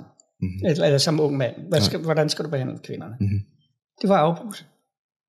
Altså, fra generation til generation, generation har fædre altid, hvis de har været ordentlige fædre, øh, lige sagt nogle ting til deres sønner om, altså kvinder er sådan og sådan. Ikke? Mm-hmm. Det år, det stoppede. Det blev fuldstændig kortet. Så øh, de generationer fra dag fik ingen vejledning i, hvad kvinder er for noget. Og sagen er, at kvinder er altså ikke lige, hvad de ser ud til at være. øh, nu har jeg også en, en, en graf her, jeg godt kunne have lyst hvis du har lært, Hvis du kender nogen, der har lært at forstå kvinder, så må du gerne lige ringe en gang til mig, fordi så vil jeg gerne tale med vedkommende. Ja, okay. Jo, men jeg er lidt på vej. Nu skal se. Jeg, jeg har lyst til at vise den her. Og det er noget af alt det meget øh, øh, øh, faglitteratur, jeg har læst. Ikke? Ja, ja. Nogle tyskere, der har lavet et apparat, hvor man kan vise en film til en forsøgsperson på en sådan måde, at synsindtrykket udelukkende går ind i den ene hjernehalvdel. Okay. Og det er, det er sådan et eller andet optisk manipulation og sådan noget. Okay. Vi har jo to hjernehalvdele, ikke? Mm. og de fungerer noget forskelligt. Mm. Og øh, her er der så, de har prøvet med forskellige film. I den her tilfælde, der er det en erotisk film. Det er noget med to mennesker, der står og kæler med hinanden, og så tager de tøjet af hinanden, og så går de i seng med hinanden. Så den er meget ømt. Og øhm, hvis den bliver vist på en sådan måde, at det er højre hjernehalvdel, der modtager synsindtrykket, så kan man måle folks reaktion på blodtrykket. Altså, mm. det er jo ophidsende. Mm. Blodtrykket stiger. Mm i hele kroppen. Ikke? Og hvor stor ændringen i, i blodtryk, nu kan jeg vise det lidt her for dig, ikke? højere hjernehalvdel. For kvinder stiger den rigtig meget, og for mænd stiger den også en del. Men hvis man viser den sådan, at den opfattes i venstre hjernehalvdel, mm-hmm. hvor sådan det mere rationelle, regelstyrede osv. osv. Altså øh, højre hjernehal, det er, det er meget sådan den holistiske opfattelse, helhedsindtryk, som man ikke lige kan sætte bevidste ord på og sådan noget. Ikke? Venstre hjernehalvdel, der ligger sproget. Der mm. ligger alt, der kommer i en regelmæssig rækkefølge, alt hvad der følger regler, og alt hvad der sådan har fornuftig begrundelse. Ikke? Hvis du viser samme film hos kvinder, så falder deres blodtryk. Den virker måske en anelse negativt på dem. Okay. Antistimulerende, den der film. Hvad er det for noget venligt med noget, de der to mennesker får som hinanden? Hos mænd, ah, øh, der, øh, der er også noget. Ikke? Ja, ja. Øh, men den der reaktion, øh, den der hormonreaktion, et eller andet, oh for søren, det er ophidsende det der, og så sker der nogle reaktioner i kroppen, så blodtrykket stiger. Øh, det, det administreres så at sige i højre hjernehalvdel. Ikke? Mm-hmm. Men altså, der er jo en vis forbindelse mellem højre og venstre hjernehalvdel hos mændene, kan du sige. Ikke? Men det er der ikke hos kvinderne. Nej. Hos kvinder er der ellers øh, lidt mere forbindelse mellem højre og venstre hjernehalvdel, end der er hos mænd. De har lidt mere kommunikation på tværs. ikke? Ja. I gennemsnit. Det er en små forskel. Mm. Men ikke her. Der er nul kontakt. Venstre hjernehalvdel hos den kvinde, hvor de rationelle argumentation ligger, der er ingen stimulering overhovedet. Nej, nej. Og det er der dog i nogen grad hos mændene. Ja. Og manden, han kan jo godt være lidt bekendt, hvad det er, han stimulerer sig af. Hun, ser, øh, hun har nogle smukke kurer og langt blødt hår og Mhm. øh, smilehuller, og, og, og det, det kan jeg godt være bekendt at være betaget af. Ikke? Så, så det, kan, det kan godt være bevidst i nogen grad. Ikke? Men kvinden, nej. Mm. Det der, hvis det er fornuften, der styrer det her, Mm-hmm. reglerne, normerne, det er noget slags det der. Ja, Det virker overhovedet ikke stimulerende. nej. Det vil sige, at så længe vi er der, hvor det hele foregår ikke sprogligt, det er kropskontakt, det er smil, det er stemning, det er stearinlysene og alt det der, ikke? så bliver hun meget stimuleret. Ja. Og, og fine berøringer på nakken og alt det der. Ikke? Mm. Men hvis vi er derhenne, hvor, hvor det er, nu, nu har jeg lavet et, et, et, et uh, Ph.D.-studium, og, og det her det er rationelt, og jeg har citeret den ene og den anden øh, øh, postmodernistiske forfatter osv., så, videre, så er det noget snavs, og det er noget ægelt, og mænd er onde, og vi kvinder kan ikke gå i fred. Ja. Altså, det viser, at de to køn, altså det er jo meget at ekstrapolere fra en undersøgelse. Det er ikke? klart. Ja, men hvis jeg nu gør det alligevel. Mm-hmm. Øh, det viser, at hvis du kører derover, hvor det er øh, venstre hjernehalvdel, der er i funktion, så er øh, altså verden vil være bedre uden mænd. Mm. Og alt det mænd foretager sig kvinder. øh, og bare en, hår, en hånd på låret, ikke? Så, så er det en forbrydelse. Ikke? Ja. Øh, altså, og det er, er sådan set det, som feminismen gør. Mm. Den flytter det hele over i venstre hjernehalvdel. Okay. Altså, der er ikke noget, nå, ja, altså, den hånd på lort. Nej, det er en forbrydelse, Mm-hmm. og han skal fyres. Altså, det, som vi, mænd, som vi mænd skal gøre, for at appellere til kvinderne, så de får lyst til os. Og det, som kvinderne i deres fornuft, når de bruger sproget og taler om, det her, vi skal gøre, de to ting har intet med hinanden at gøre. Nej. Intet. Nej. Og det er det, de ikke har fået fortalt som mænd. Mm. Der findes ikke en rationel vej ind. Ja, Det, der, der findes nul rationel vej ind. Rationalitet ind i- imod at skulle øh, forføre en kvinde, ja, er, er jo, i, måske er der en lille bitte promille af kvinder, som kan, ja. som, kan, over, som, kan over, som kan overtales. Men, Ja, men men, men jeg- det giver vel også meget god mening, at det giver vel også meget god mening, at øh, altså hvis vi kigger på det evolutionært, ja, måske. at øh, Ja, hvis- hvis de ting, som kvinderne biologisk mm-hmm, er selekteret til gerne vil have, ja, er noget, som ikke rigtig tåler øh, et input fra moralsk oprustning, ikke? mm-hmm, så nytter det jo ikke noget, at kvinden er bevidst om, hvad det er, hun vælger efter.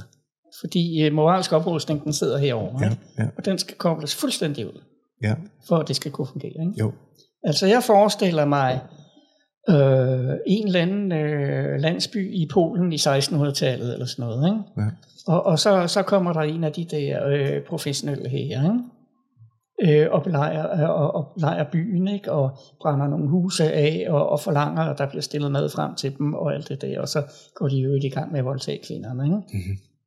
Hvis der er en moralsk rigtig kvinde, der siger, at det der det er forkert, og, og, og er I ikke kristne mennesker, og sådan noget, ikke? så bliver hun slået ihjel. Ja. Hvis, hvis hun siger, nå, ja, okay, nu er det dem, der har magten, okay, jamen, så går jeg i seng med dem. Ja. Øh, og så kan det være, at hun faktisk kan smiske sig ind hos ham, og så slår han måske ned i landsbyen, og, og, og så danner din familie. Mm. Eller hvis vi går endnu længere tilbage i tiden, den der tyran, øh, som bare er så aggressiv, ikke? og hver gang nogen øh, drister sig til at tale ham imod, eller modarbejde det, han vil, eller et eller andet, afslører hans intriger et eller andet, af med knoppen. Ikke? Mm-hmm. Så øh, øh, hvordan går det for den kvinde, der øh, stifter familie med ham, den søde og venlige og hensynsfulde og demokratiske, med de rigtige principper? Hun får ingen levende efterkommere. Hvordan går det med hende, der, øh, øh den familie med ham, den øh, dybt usympatiske tyran der? Hun får mange efterkommere. Mm-hmm. Så måske, det er jo, det er jo hypotetisk det her, Klart. ikke? men det er den eneste måde, jeg kan forstå, hvordan kan det være, at kvinder i den grad falder for mænd, der har alle de forkerte personlige egenskaber. Altså, når, når du siger forkerte, så, så Aggressiv, opfarende, sygelig, jalousi, øh, hvad det nu er for noget.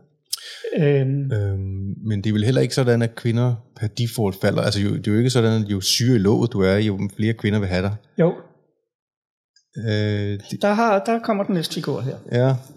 Og det er sådan set essensen af... Jeg, af jeg, jeg, der, jeg bliver lige nødt til, inden du gør, altså, jeg, jeg, jeg, der må jeg sige, jeg tror, at øh, du ved, lidt ligesom, at vi nogle steder i dyreriget ser, at dem, der er, de- dem, der, det kan godt være, at du skal være voldsom, det kan godt være, at du skal sætte dig igennem, det kan godt være, at du skal være aggressiv, det kan godt være, at du skal have meget testosteron, det kan godt være, at du skal være sådan en, der kan handle, ja, men ikke nødvendigvis handler ude af fuldstændig øh, trit med den virkelige verden. Øh, det vil jeg gerne kunne tilslutte mig, men det kan jeg ikke. Okay. Og her kommer den her, som... Øh, Så, så du, mener, altså, du mener i virkeligheden, at der er flere, der vil have Peter Lundin end en sund, stærk mand? ja, Okay. Altså, og det er jo netop altså, den her bog her, øh, som, som omhandler det der med, med scoretrænerne, og øh, hvilke, hvad, hvordan skal en mand være, for kvinderne vælger ham og sådan noget. Ikke? Mm-hmm. Øhm, der kommer jeg også for eksempel ind på Peter Lundin. Ikke? Okay. Nå, det, det skriver du simpelthen? Ja, ja, ja, der findes en hel bog på dansk om Peter Lundin. Altså, der, der er mange oplysninger om ham. Ikke? Nå, okay. Ja. Ja. Øh, og der findes, øh, altså der findes jo for eksempel øh, magasiner, øh, som øh, unge kvinder i Europa øh, abonnerer på med kontaktannoncer for øh, mænd, der sidder på dødsgangen i USA. ja. Øh, og så, så kan de blive pæne venner med sådan nogle mænd. Ikke? Mm-hmm. Og så øh, er de jo overvist om, at de der mænd, der er, sidder på dødsgangen, fordi de har gjort nogle grumme forbrydelser, i virkeligheden er, er nogle søde mennesker, og omverdenen forstår dem bare ikke og sådan noget. Ikke? Og så tager de over til USA og besøger dem i fængslet og så videre. Ikke? Og der, det er en hel industri af kvinder, som tager over og besøger de der øh, dødsdømte mænd i fængslerne i Ja. USA. Øh, og, og nogle af, af de værste øh, er sådan serier eller massemordere, som er specialiseret sig i at myrde unge kvinder. Ikke? De har været så, altså når først det er blevet kendt, hvad de har gjort, så er der stiver af kvinder, som vil i kontakt med dem. Der var en af de der, som jeg tror, han havde myrdet 30 kvinder eller sådan noget. Og det lykkedes for hende at blive gift med ham. Øh, og, og de kunne komme på udgang en weekend eller sådan noget, så, øh, så de lige kunne have lidt tid sammen. Ikke? Og den weekend benyttede han jo så til at myrde hende. Ikke? Og lige sådan Peter Lundin, da han kom til Danmark, ikke? og der var jo mange, mange øh, kvinder, som var vilde med at komme i kontakt med ham. Og der var en, som så øh, fik et forhold til ham, ikke? indtil han slog hende og hendes to drenge ihjel. Ikke? Øh, så det, de er, det er fuldstændig vanvittigt. Øh, men det er, og, og jeg har masser af eksempler på det her i den her bog. Og når jeg sammenfatter det hele, så får jeg den figur her. Og det er så øh, antal interesserede kvinder per mand. Mm-hmm. Øh, og, og det skal jo ikke forstå sådan, at flertallet af alle kvinder vil have den her, vel? Men at når du har en af dem der, øh, så er det antal kvinder, som er skøre nok til at falde for ham, ekstremt højt. Altså 100. Og hvad tilskriver du det? Jamen, nu vil jeg godt lige forklare. Nå, okay, altså, øhm, her der står en ærkevus. Mm. En vus, det er sådan et amerikansk udtryk for en, der i den grad undertrykker sig selv og er selvbebrejdende, Ja, ja, og altid vil gøre alt for kvinden, Mm. og ikke sætter nogen grænser. Ikke? Mm. Og så, øh, så er der en, der sådan er noget eftergivende, og, han vil gerne være rigtig sød ved hende, og nej, du skal ikke tage hensyn til mig, og, og sådan noget. Det vil jeg godt, og sådan Mm. noget. Ikke? Og så er der en normal, øh, sådan lidt egoistisk, hvor de fleste er jo sådan lidt egoistiske. Ikke? Jo. Øh, og så er der en egoistisk slåbert, ikke? Øh, og, og sådan en, der bare laver numre med hende, og ikke overholder aftaler, og øh, forresten øh, lige skal, skal en tur afsted hen for at sælge noget narko og sådan ikke? ja. øh, og så er der masse morderen, ikke? Ja. Øh, og hvis vi stiller den op på sådan en skala der, så går den ned fra stort set 0, og så op til et liggende 8-tal. Ikke? Øh, og gennemsnittet er cirka en kvinde per mand ved, ved de normale mænd. Ikke? Okay. Det er essensen af, af, af, af altså der er, der er så meget om det her. Ja. Og forklaringen, altså jeg har prøvet at give en forklaring af, i fortiden, at det kunne betale sig for en kvinde at, at, at være sammen med en, en, en mand med alle mulige usympatiske karaktertræk, hvis bare det gik ud over de andre og ikke hende selv. Mm-hmm. Okay. Ja. Øh, og det står, der, det står der i det hele taget meget om. Ikke? Ja. Altså, hun har det fint med, at han er ond mod andre, men hun forestiller sig, at hun er så sexet og dejlig og feminin, så han gør ikke noget ved hende. Ja. Så har hun det rigtig godt. Ikke? Fordi det viser, hvor, hvor stærk en femininitet hun har. Ikke? At selv den der slubbert, han gør ikke noget ved hende. Ikke? Så stærk er hun. Ikke? Okay. Og det der, det er jo voldsomt meget imod, hvad jeg er Det er opdraget jo til. det er din model på hovedet, jo. Ja, Ja. det er min model på hovedet. Ja. Ja, ja. Jeg vil have, at den skulle gå sådan der, ikke? Ja. ja. men det gør den ikke. Nej. Og det, det, er, det er sådan, ja, det er en sammenfatning af en hel masse oplysninger. Altså for eksempel, øhm, hvis du har en mand, der er sygeligt jaloux, virker han tiltrækkende på kvinder. Ikke?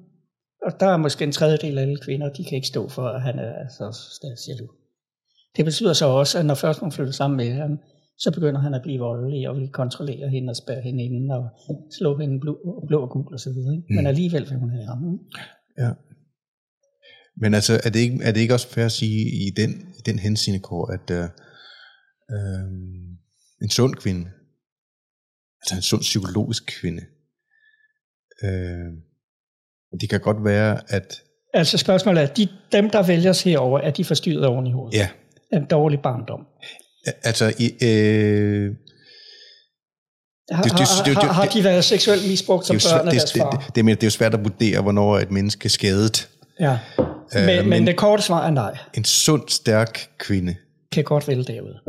det tror du? Ja. Okay. Okay, altså jeg, jeg er med på, at der godt kan være et engangsknald derude. Men som partner er det, er det noget andet. Det vil, det vil være min 100 procent... Øh, Ja, men, men sådan hænger det ikke sammen. Nej, nej, det kan, det Selvfølgelig, kan du sige. øh, selvfølgelig vil der være en vis tendens til, at hvis Ja. de er forstyrret oven i hovedet. Ja, Ikke? jo. Øh, og øh, der er sådan, øh, dem, øh, dem, der øh, tiltrækkes af en mand, der er sygeligt jaloux. Øh, det er nogen, som har været ude for et eller andet øh, psykisk vold eller noget Et eller andet. øh, i deres tidligere forhold eller et eller Ja, andet. ja. Og så er det jo mærkeligt, at de tiltrækkes netop det. Hvad er årsag og hvad er virkning? Ja. Har de været udsat for psykisk vold tidligere, fordi de opsøger den slags mænd? Altså der er jo i hvert fald det der imagoterapi, det ved jeg ikke, om du kender Harville Hendricks, han har lavet noget, øh, øh, at, at øh, man finder en partner, Mm. som, som har de samme karakteristika som det største sorg, man har med den, for, med den forælder, man har haft den største konflikt med gennem sin opvækst. Mm. Og at man finder hinanden set igennem, øjne, altså på en måde, for at kunne hele de sår. Altså det vil sige, den konflikt, der har været den største mellem mig og mine forældre, jeg finder en partner, der matcher det mønster. Ja, Fordi det er det, jeg genkender som hjem. ja. Og det, det, det har meget, altså, øhm, Det er lidt øh, det. kvinden øh, styrer jo meget efter den, det billede af sin far, hun har inde i hovedet. Okay. Øh, og det går for eksempel sådan, at de kvinder, som har haft et dårligt forhold til deres far, Mm. sådan meget groft sagt, det er dem, der bliver feminister. Fordi de mener, at altså, det billede, de har inde i hovedet af, hvordan mand er, det har de fra deres far. Og deres far har været en idiot. Og hvis faren var en idiot, så øh, er alle mænd idioter. Okay. Og, og hvis mit indre billede af min øh, mor er, at hun var en elskelig og kærlig kvinde, så tror jeg, at alle kvinder er elskelige og kærlige, indtil jeg opfatter, op, opdager noget andet. Ikke? Jo, okay. Altså det betyder så meget for os, det, at vi danner billedet af det modsatte køn ud fra vores forældre og det modsatte køn. Ikke? Ja. I langt de fleste tilfælde. Ikke? Ja. Og det, Øhm, men det er interessant, det du siger. Hvad er det, der leder til, at man...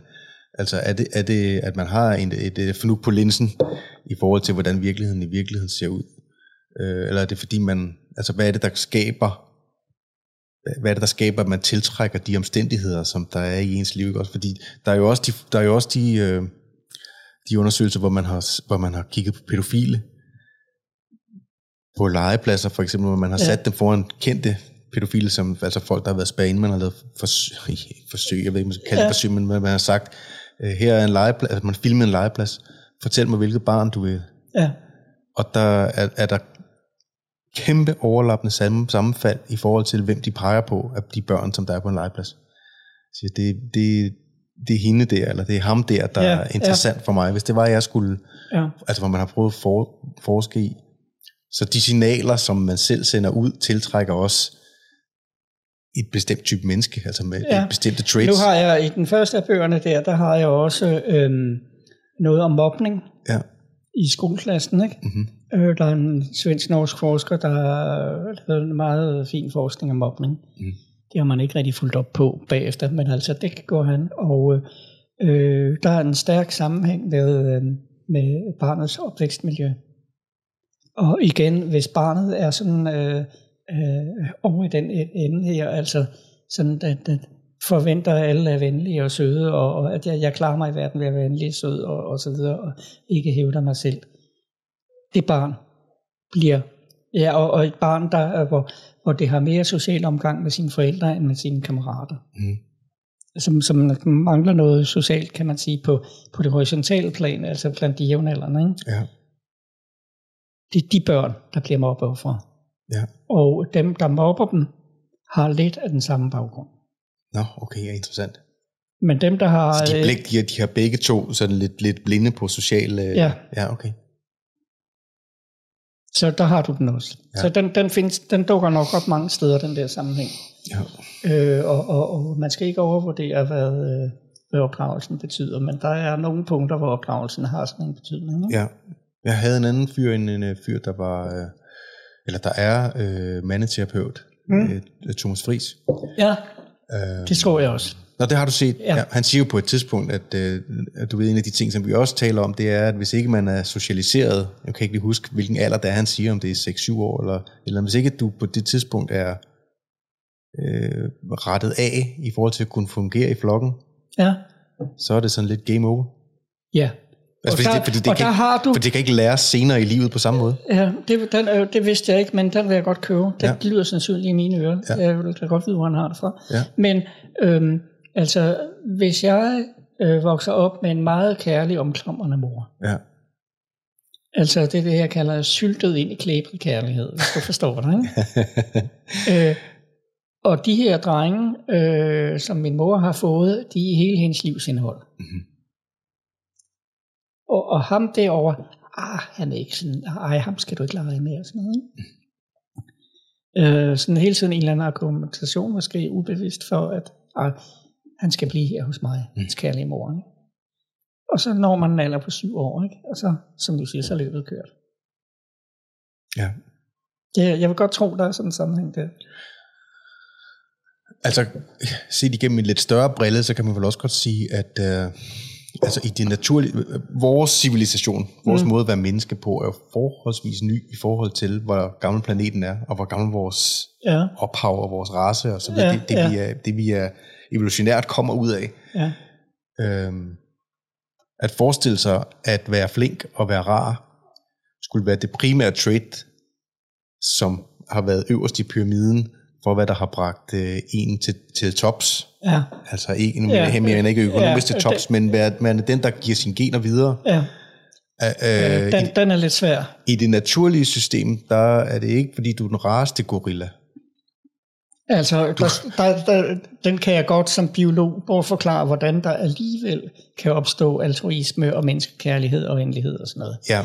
Øh, men det er der noget, der uh, diskuteres meget mm. blandt evolutionsbiologer hvordan kan altruisme opstå og opretholdes. Ja. Jeg har faktisk en board, der har lavet dataprogrammer, der hvor man simulerer er det rigtigt? Ja. en udvikling for, øh, hvad skal der til for altruismen vinder, og hvad skal der til for egoismen vinder. Ja.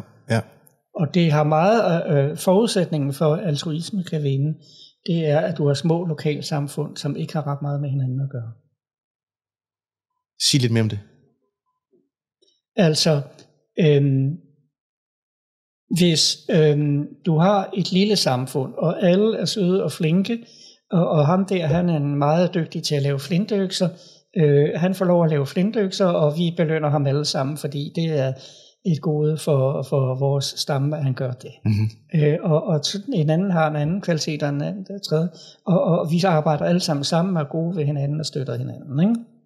Sådan et samfund trives godt, og Øh, der kommer nok også mange børn, og, og, sådan, og de, de kan jo brede sig. Og hvis der er et ubeboet område, så er der måske nogle konstatatorer, der slår sig ned der også og fortsætter det. Et homogent, et, et lille homogent samfund. Ja, men så kan der være et andet lille samfund, hvor der er, er en psykopat for eksempel. Ikke? Øh, og han får alting til at køre skævt og er dybt egoistisk, og det ender med, at alle slår hinanden ihjel stort set. Ikke? Øh, det samfund kommer jo ikke videre. Øhm, så det vil sige, hvis du har et antal øh, adskilte lokalsamfund, øh, så dem, der vokser og trives, det er dem, hvor folk er søde og venlige over for hinanden. Ja. Dem, hvor de er aggressive øh, for, øh, øh, drager øksen frem for et godt ord osv., de trives ikke. Ja. De går ned efter hånden. Ja. Ikke? Ja. Men hvis der er meget kommunikation imellem de der lokalsamfund, så vil der være nogle af de overlevende over fra nabostammen, som er krigeriske og aggressive og ubehagelige, ja. øh, som kommer hen og, og, og får nogle børn med en af kvinderne hos dig. Og de børn har måske bringer så de gener videre i dit samfund. Og når først de gener er inde, så inden for dit lokale samfund vil egoismen hele tiden vinde over altruismen. Mm. Så hvis først du ligesom, det er som en virus, hvis først det egoistgen er kommet ind, så er løbet kørt. I løbet af otte generationer, så er alle blevet egoister, fordi de andre, de klarer sig ikke nær så godt. Ikke? Ja. Og så går det samfund ned. Men, men inden det skete, så har de lavet nogle kolonisatorer, så har de flygtet ud nogle andre steder, hvor de har dannet ja. nogle altruist samfund. Ja.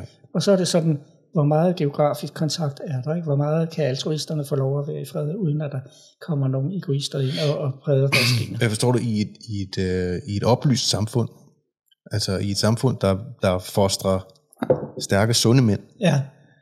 øh, der lader vi ikke egoisterne rejse til toppen, fordi vi er i stand til at bruge de samme kræfter som dem imod dem, til at bremse dem og til at stoppe dem. Tror du det? Øh, det øh, ja, I øjeblikket er vi jo i, i mine øjne et sted, hvor vi ikke gør det, fordi at manden er blevet lært, at han bare skal være blod og ja. rød og sød og god. Og, men, og vi kigger, sige... men kigger du historisk på det, altså der er en grund til, at vi har ridderdyderne. Ja, der, er, der, er, der er en grund til, ja. At, ja, ja. At, at sunde mænd altid har stillet sig op og beskyttet det ja. Af altruistiske grunde. Ja. Men de har brugt de samme kræfter. De har bare været i stand til at tøjle dem. Ja. Som, dem, som tyrannerne, despoterne, egoisterne.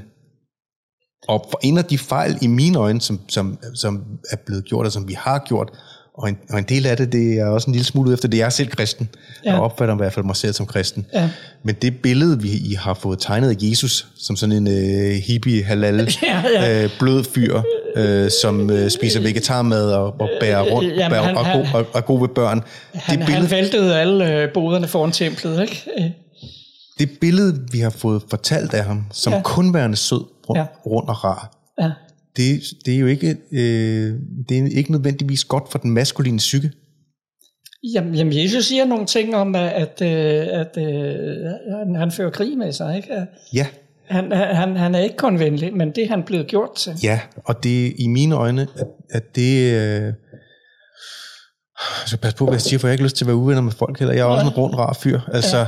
Men det er... øh, Altså, der, i forhold til den maskuline sjæl, som ønsker sig udfordring, mm. som ønsker sig at rejse sig op, og som ønsker at bryde igennem, øh, som ønsker sig eventyr, Mm.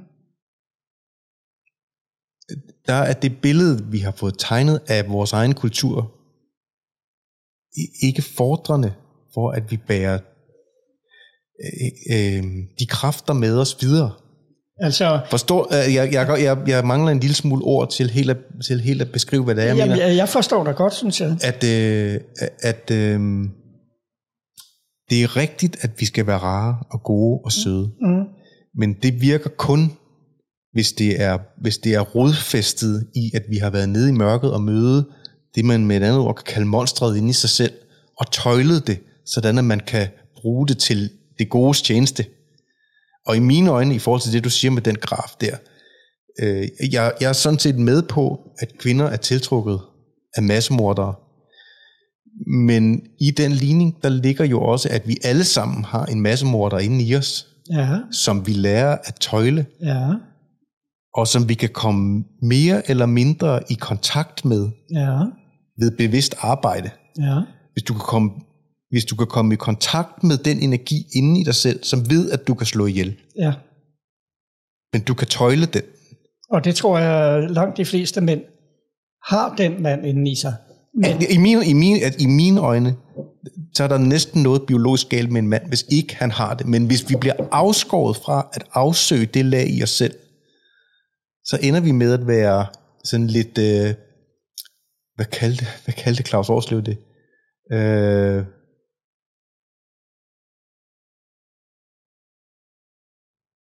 Esbeløv, hvad fanden var det, han sagde?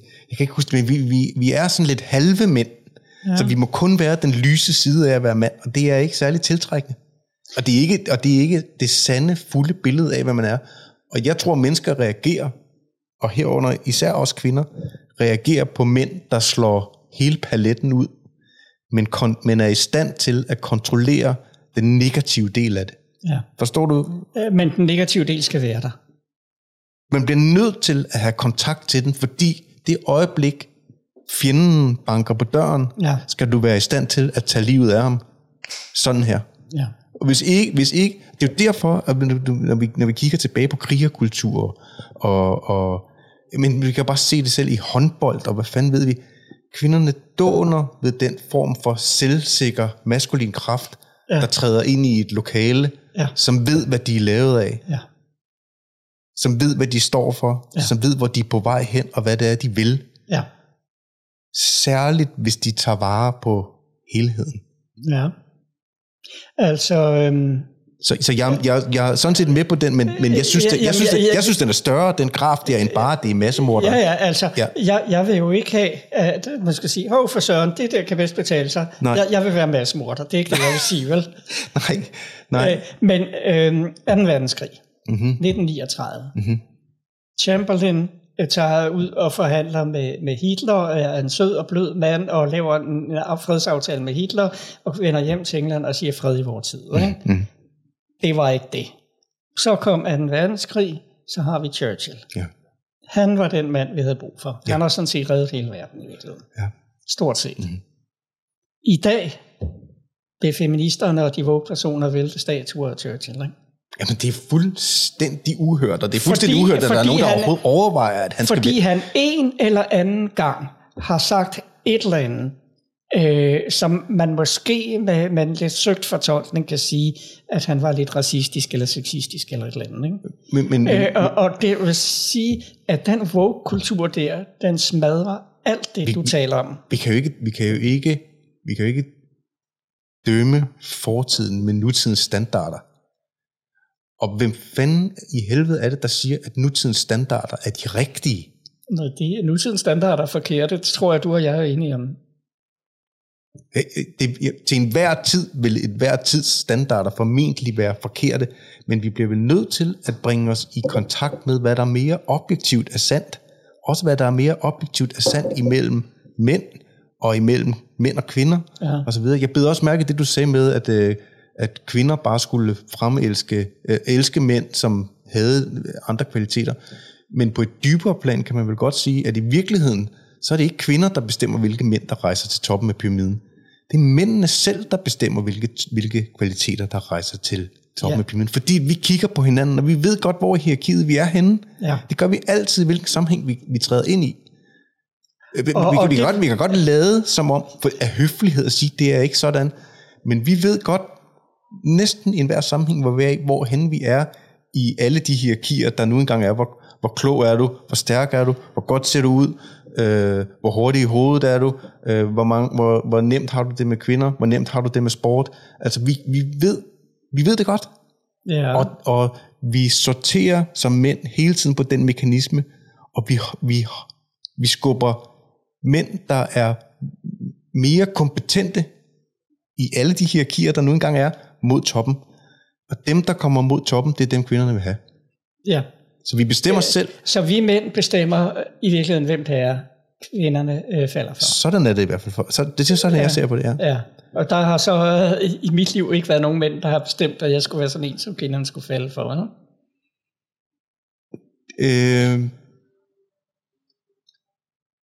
så- sådan kan man jo godt se på det på en måde. På en anden måde, så kan man sige, måske øh, øh, skulle, øh, skulle du på et tidspunkt i dine tidlige 20'ere have kigget på pyramiden og sagt, hvordan kravler jeg opad? Jamen, det var ikke det, jeg ville. Jeg ville øh, gøre noget godt i verden. Jeg, Ja. ville, jeg ville ikke selv. Det er så tit, at jeg har haft mulighed for at få en eller anden top, og så sagt, nej, det vil jeg ikke. Jeg vil bare ikke bare sidde og holde møder. Nej.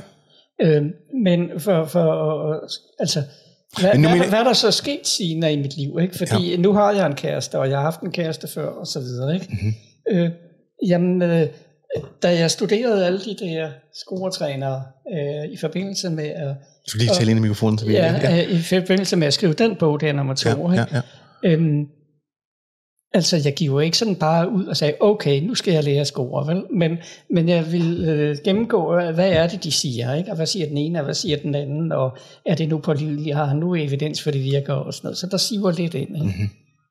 Øh, og selv, altså, jeg kan huske for eksempel en gang, jeg er til et sted, der er måske 100 eller 200 mennesker, som det udendørs arrangement, og øh, så er der en kvinde, hun er simpelthen, wow, ikke? Altså, så, så fås de ikke bedre, vel? Okay.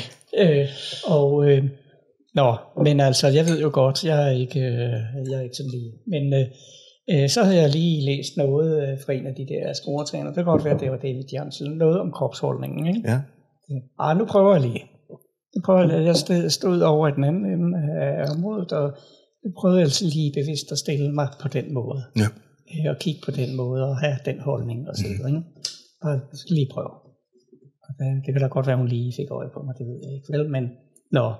Øh, men så satte jeg mig hen på, på en bænk et andet sted. Så kom hun hen og satte sig ved siden af mig og ville begynde at snakke. Se. Nå, altså. Øh, og tilsvarende oplevelser, ikke? Bare kropsholdningen. Mm. Øh, og fake it till you make it og alt det der, ikke? Øh, og andre er sådan, nå, ja det virker jo faktisk, ikke? Ja. Øh, og så kan man jo godt skyde genvej, så behøver jeg altså ikke blive direktør for Mask McMinney Møller, vel? Nej. Altså, øh, og det, score, det, øh, det slår de der scoretræner også meget på, ikke? At selvom du er fattig og ikke har nogen pæn bil Det, det og så videre, at sige. øh, det er ikke det. Nej. Øh, så så øh, det er alligevel ikke det der med, hvilke mænd, der bliver løftet op, vel? Nej, Øh, og, og, og, Når jeg, når, jeg siger, når jeg siger til toppen af, af pyramiden, så mener jeg ikke, så mener jeg ikke nødvendigvis, at det at du økonomisk kommer op, eller du får en toppost. Eller det, det, det, du kan sagtens være en... ja, ja, men jeg forstår, hvad du mener, at, at, at, at det er jo også øh, forspilleren i bandet. Øh, øh, han, han, øh, det er jo ham, de vil have, ikke? Altså, angriberen i- på fodboldholdet. øh, ja, og så videre. Ja. The leader of the pack og Ja. alt det der, ikke? Ja. Øh, men altså, øh, hvis jeg er en lille smule personlig, øh, den kæreste, jeg fik for øh, nogle år siden, vi var så sammen i tre år, vi har stadig forbindelse til hinanden og så videre, men vi er ikke kærester mere, vel? Øh, hun sagde bagefter, jamen det var, du virkede som om, øh, du havde forstand på at tage kvinder. Så, og, og der har altså sat sig noget fra alt det, jeg har studeret. Ja, ja, ja. ja, ja. Øh, min attitude på en eller anden måde, en eller anden sikkerhed eller et eller andet. Mm. Det var det. Så øh, der var ikke noget med, at øh, jeg tydeligvis var lederen det sted eller sådan noget. Det var jeg ikke vel, men altså den der selvsikkerhed, eller øh, man skal have erfaring, ikke? Ja. Hvordan får han erfaring, hvis man øh, øh, ikke må lave nogen som helst øh, sex på kvinder, det ved jeg ikke vel, men altså, øh, nej, det, er en, det er en anden historie. Ja. Men øh, ja, så, så det er jo ikke så simpelt, at, at bare du er øh, i toppen socialt. Ja. Men altså, det har rigtig meget på sig. Ikke? Ja. Og alle mulige statistikker viser, at øh, jo, højere du står socialt i den ene eller den anden forstand, jo mere succes har du der. Ikke? Mm. Øh, og det skulle man jo selvfølgelig, altså, altså da, jeg, da jeg var ung og skulle vælge, hvad skal jeg studere, ikke? Øh, og nu var det altså biologi, der interesserede mig, ikke? Og ja, så kunne man måske blive forsker eller et eller andet, det var nok ikke så vellønnet og så videre, ikke? Men ej, nu var min interesse altså så stærk, det var det, jeg ville, ikke? Men altså, det lå jo lidt i det, at du skal finde et eller andet, hvor, hvor du kommer til at tjene godt, ikke? Ja. Fordi så er der en kvinde, der gerne vil have dig, ikke? Mm. Altså det lå i tiden der, øh, skal vi sige 68, da jeg skulle starte med at studere. Ikke? Ja. Men den, den faldt jo der, men det er jo sandt. Det, det er jo stadigvæk sandt. Ja, Det er jo... Det, det, man kan jo... Man kan jo man kan godt lade som om, at det ikke er sandt. Og jeg synes også, det er helt fair, at man ikke kan lide, at det er sådan. ja, Men det er sådan. ja. Og det kan vi jo... Øh, og det, øh, øh, og så, så kan man sige, okay, jamen så fra nu af øh, går vi alle sammen ud og, og finder ud af, at vi, øh, det, der gælder om, det er at være en egoistisk. Ikke? Øh, men, men den konklusion vil jeg jo ikke drage. Nej, Og jeg kan aldrig få mig selv til at blive en egoistisk slåfer, vel, det kan jeg ikke. Nej, men, det, men der er vel heller ikke nogen, der siger, fordi at du skal øh, tjene godt med penge, at du skal være egoistisk klubbert. Nej, nej. Nej, altså nej. Jeg, kender, jeg kender, der er masser af sunde, dejlige, rare mænd, som tjener stakkevis af penge. Ja. Ja. Ja, øh, nu vil jeg egentlig godt, altså nu ved jeg ikke, hvor meget tid der er gået, men øh, der ligger jo fire bøger her, Ja, ja, så ja. hvis jeg må gå Kom lidt videre, Ja, selvfølgelig. så den tredje bog.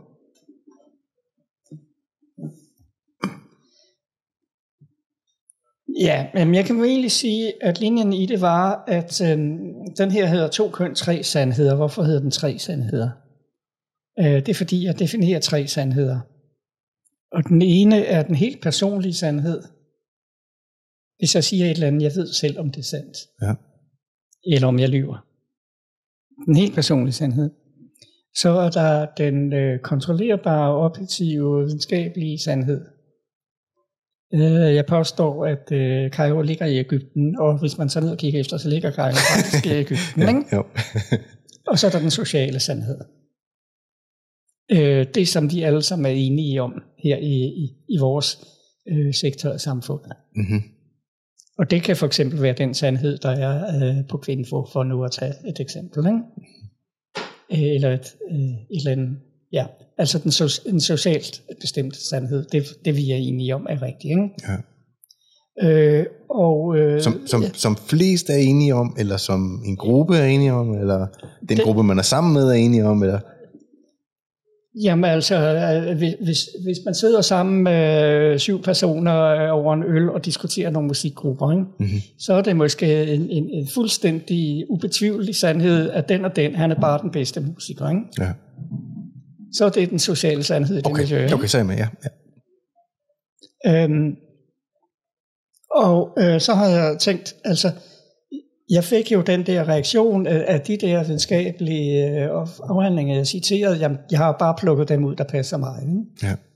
Så tænkte jeg, jamen, jeg er nødt til at holde det fuldstændig hermetisk øh, adskilt mellem det, som er en eller anden videnskabelig kontrollerbar sandhed, med strævende og kontrollerbar, ikke? og så det, der er, er min fortolkning, for eksempel. Ikke? Så øhm, øhm, jeg, var, jeg fandt ud af, at jeg er nødt til at skille det helt skarpt ad, for ellers så siger folk, jamen det, den der undersøgelse, den citerer du bare, fordi du, du i øvrigt mener sådan noget sådan. Så, og, så, og så fandt jeg ud af, at jeg var jo ikke tilfreds med, med det stof, jeg havde fået med i den der. Den er jo kun 500 sider, ikke? og øh, alt, hvad der handler om køn, kan jo ikke være på 500 sider. Øhm, så øh, ville jeg lave en bog om hver af de tre sandheder. Og den første, den, sku- øh, den blev så om den personlige sandhed, og det er sådan set den der. Øh, hvad skal jeg gøre over for hende, den kvinde, ikke? Øhm, og så vil jeg jo gerne skrive den øh, sociale sandhed, ikke? Øh, nej, så vil jeg gerne skrive den videnskabelige sandhed. Og så fandt jeg ud af, at det er jo et problem. Fordi øh, der er så meget øh, betændt forskning, alle mulige mere eller mindre feministiske eller woke øh, undersøgelser og så videre, hvor de øh, for eksempel øh, fuldstændig øh, forbigår, at der er noget, der hedder nogle biologiske forhold og sådan noget. Ikke? Ja. Øh, og øh, dem, der er så mange, der er, er, abonnerer på de der opfattelser. Så hvis jeg fremlægger noget, som er skal vi sige, naturvidenskabeligt baseret, øh, så bliver jeg hejlet igennem, men jeg får ikke et ben til. Uanset hvor korrekt det er, det jeg skriver.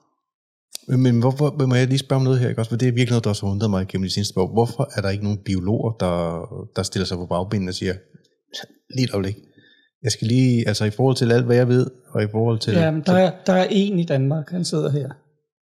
men, men, Ja, men, groft sagt. Ej, men, der er flere, men- Men Kåre, hvorfor, altså er det mangel på mod Ja, til at stå op og sige fra, Ja. og træde i karakter og sige, Ja, det det. i forhold til, hvad jeg har brugt de sidste 40 år af mit liv på, så hvad der, siger, hvad der bliver sagt her, det er noget bagl. ja. Hvorfor er der ikke sunde, stærke biologer?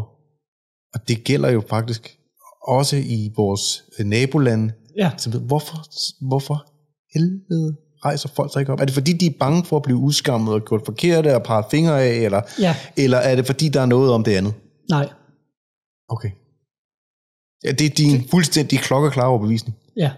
Fordi det, som almindeligt menneske, der jo ikke har forudsætninger, Ja. og ikke har baggrund for at kunne sige noget andet, end man har sin personlige fornemmelse af, hvad der er sandt og hvad der er falsk på det her område, så synes det jo virkelig mærkeligt, at der ikke. Det, der, Ja, ja, men det, at der der, er- det, at der er mangel på nogen, der rejser sig op, gør jo, at man begynder at tvivle på sig selv. Ja. Så derfor har jeg måske en betydning, der er større end den, jeg lige tror. Ikke? Ja. Men øhm, der findes lidt i Norge og Sverige for eksempel. Øh, Sverige alle steder. Ikke? Der findes måske to personer eller sådan noget, som tør at tale det derimod. Ikke? Og, og tilsvarende i Norge. Ikke? Og du mener helt alvorligt, det er et tør. Ja. Okay. Altså der er lige øh, øh, kommet den der bog sidste år, Genusdoktrinen, som fortæller om, hvordan det foregår i det akademiske miljø i Sverige. Ikke? Må jeg lige spørge, jeg har lige et spørgsmål her. Når biologer er sammen alene i en rum, og man ved, hvor ens posi- position er, så ryster folk på hovedet, eller hvad? Altså, Nej, øh, nej, øh, altså de snakker ikke om det. det gør de. Altså nu, jeg, jeg vil påstå, som situationen er lige nu, Ja. hvis du har de holdninger til biologiens rolle i kønsspørgsmål, som jeg har, Mhm. så kan du ikke blive ansat ved Dan, Dansk Universitet. Det kan du ikke. Sig lige det en gang til. Hvis man har de holdninger om, hvad biologien betyder for forholdet mellem kønnene, som jeg har, Så kan du ikke blive ansat ved et dansk universitet. ja, Men hvad, øh, men hvad har det at gøre med et ansættelsesforhold, at, om du skulle kunne blive... Der er vel ikke noget... øh, Altså, helt objektivt i forhold naturvidenskabeligt, er der vel ikke noget i det, i det, du mener, som er så langt ude på et overdrev, at man ikke skulle blive ansat. nej, nej. Så hvad så? Men altså, det kan da godt være, at der, der er en dag, det er en dag lykkes for en, ikke? Men øh, umiddelbart, altså, jeg, jeg kender en på København, som set, der er biolog, som interesserer sig lidt for det her. Okay. Øh, og som mener lidt i retning af det, jeg gør. Ja. Men han går meget stille med det. Altså, de havde jo for eksempel et kursusprogram øh, i statistik for biologistuderende på Københavns Universitet. Mhm. Øh, og så skal man jo lære noget om, øh, om øh, forskel på gennemsnit. Ikke? Man har en gruppe, der er gennemsnittet sådan, en anden gruppe, der er gennemsnittet sådan. Ikke? Og hvordan tester man, om den forskel er, signifikant og sådan noget. Ikke? Så øh, den der statistiklærer, øh, så, så nu øh, går I rundt og måler hinanden, hvor høje I er. Og så øh, skal vi se, om der er, hvordan er højdeforskellen mellem mænd og kvinder blandt jer kursister. Det var der nogen, der klagede over, det blev der en sag ud af, fordi man måtte ikke lave noget, hvor man fokuserede på forskellen mellem mænd og kvinder. Og det er inden for Det naturvidenskabelige fakultet.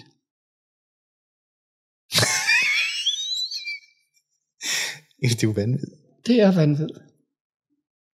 Altså, så, så, så man måler en gennemsnitlig penislængde også på kvinder og mænd?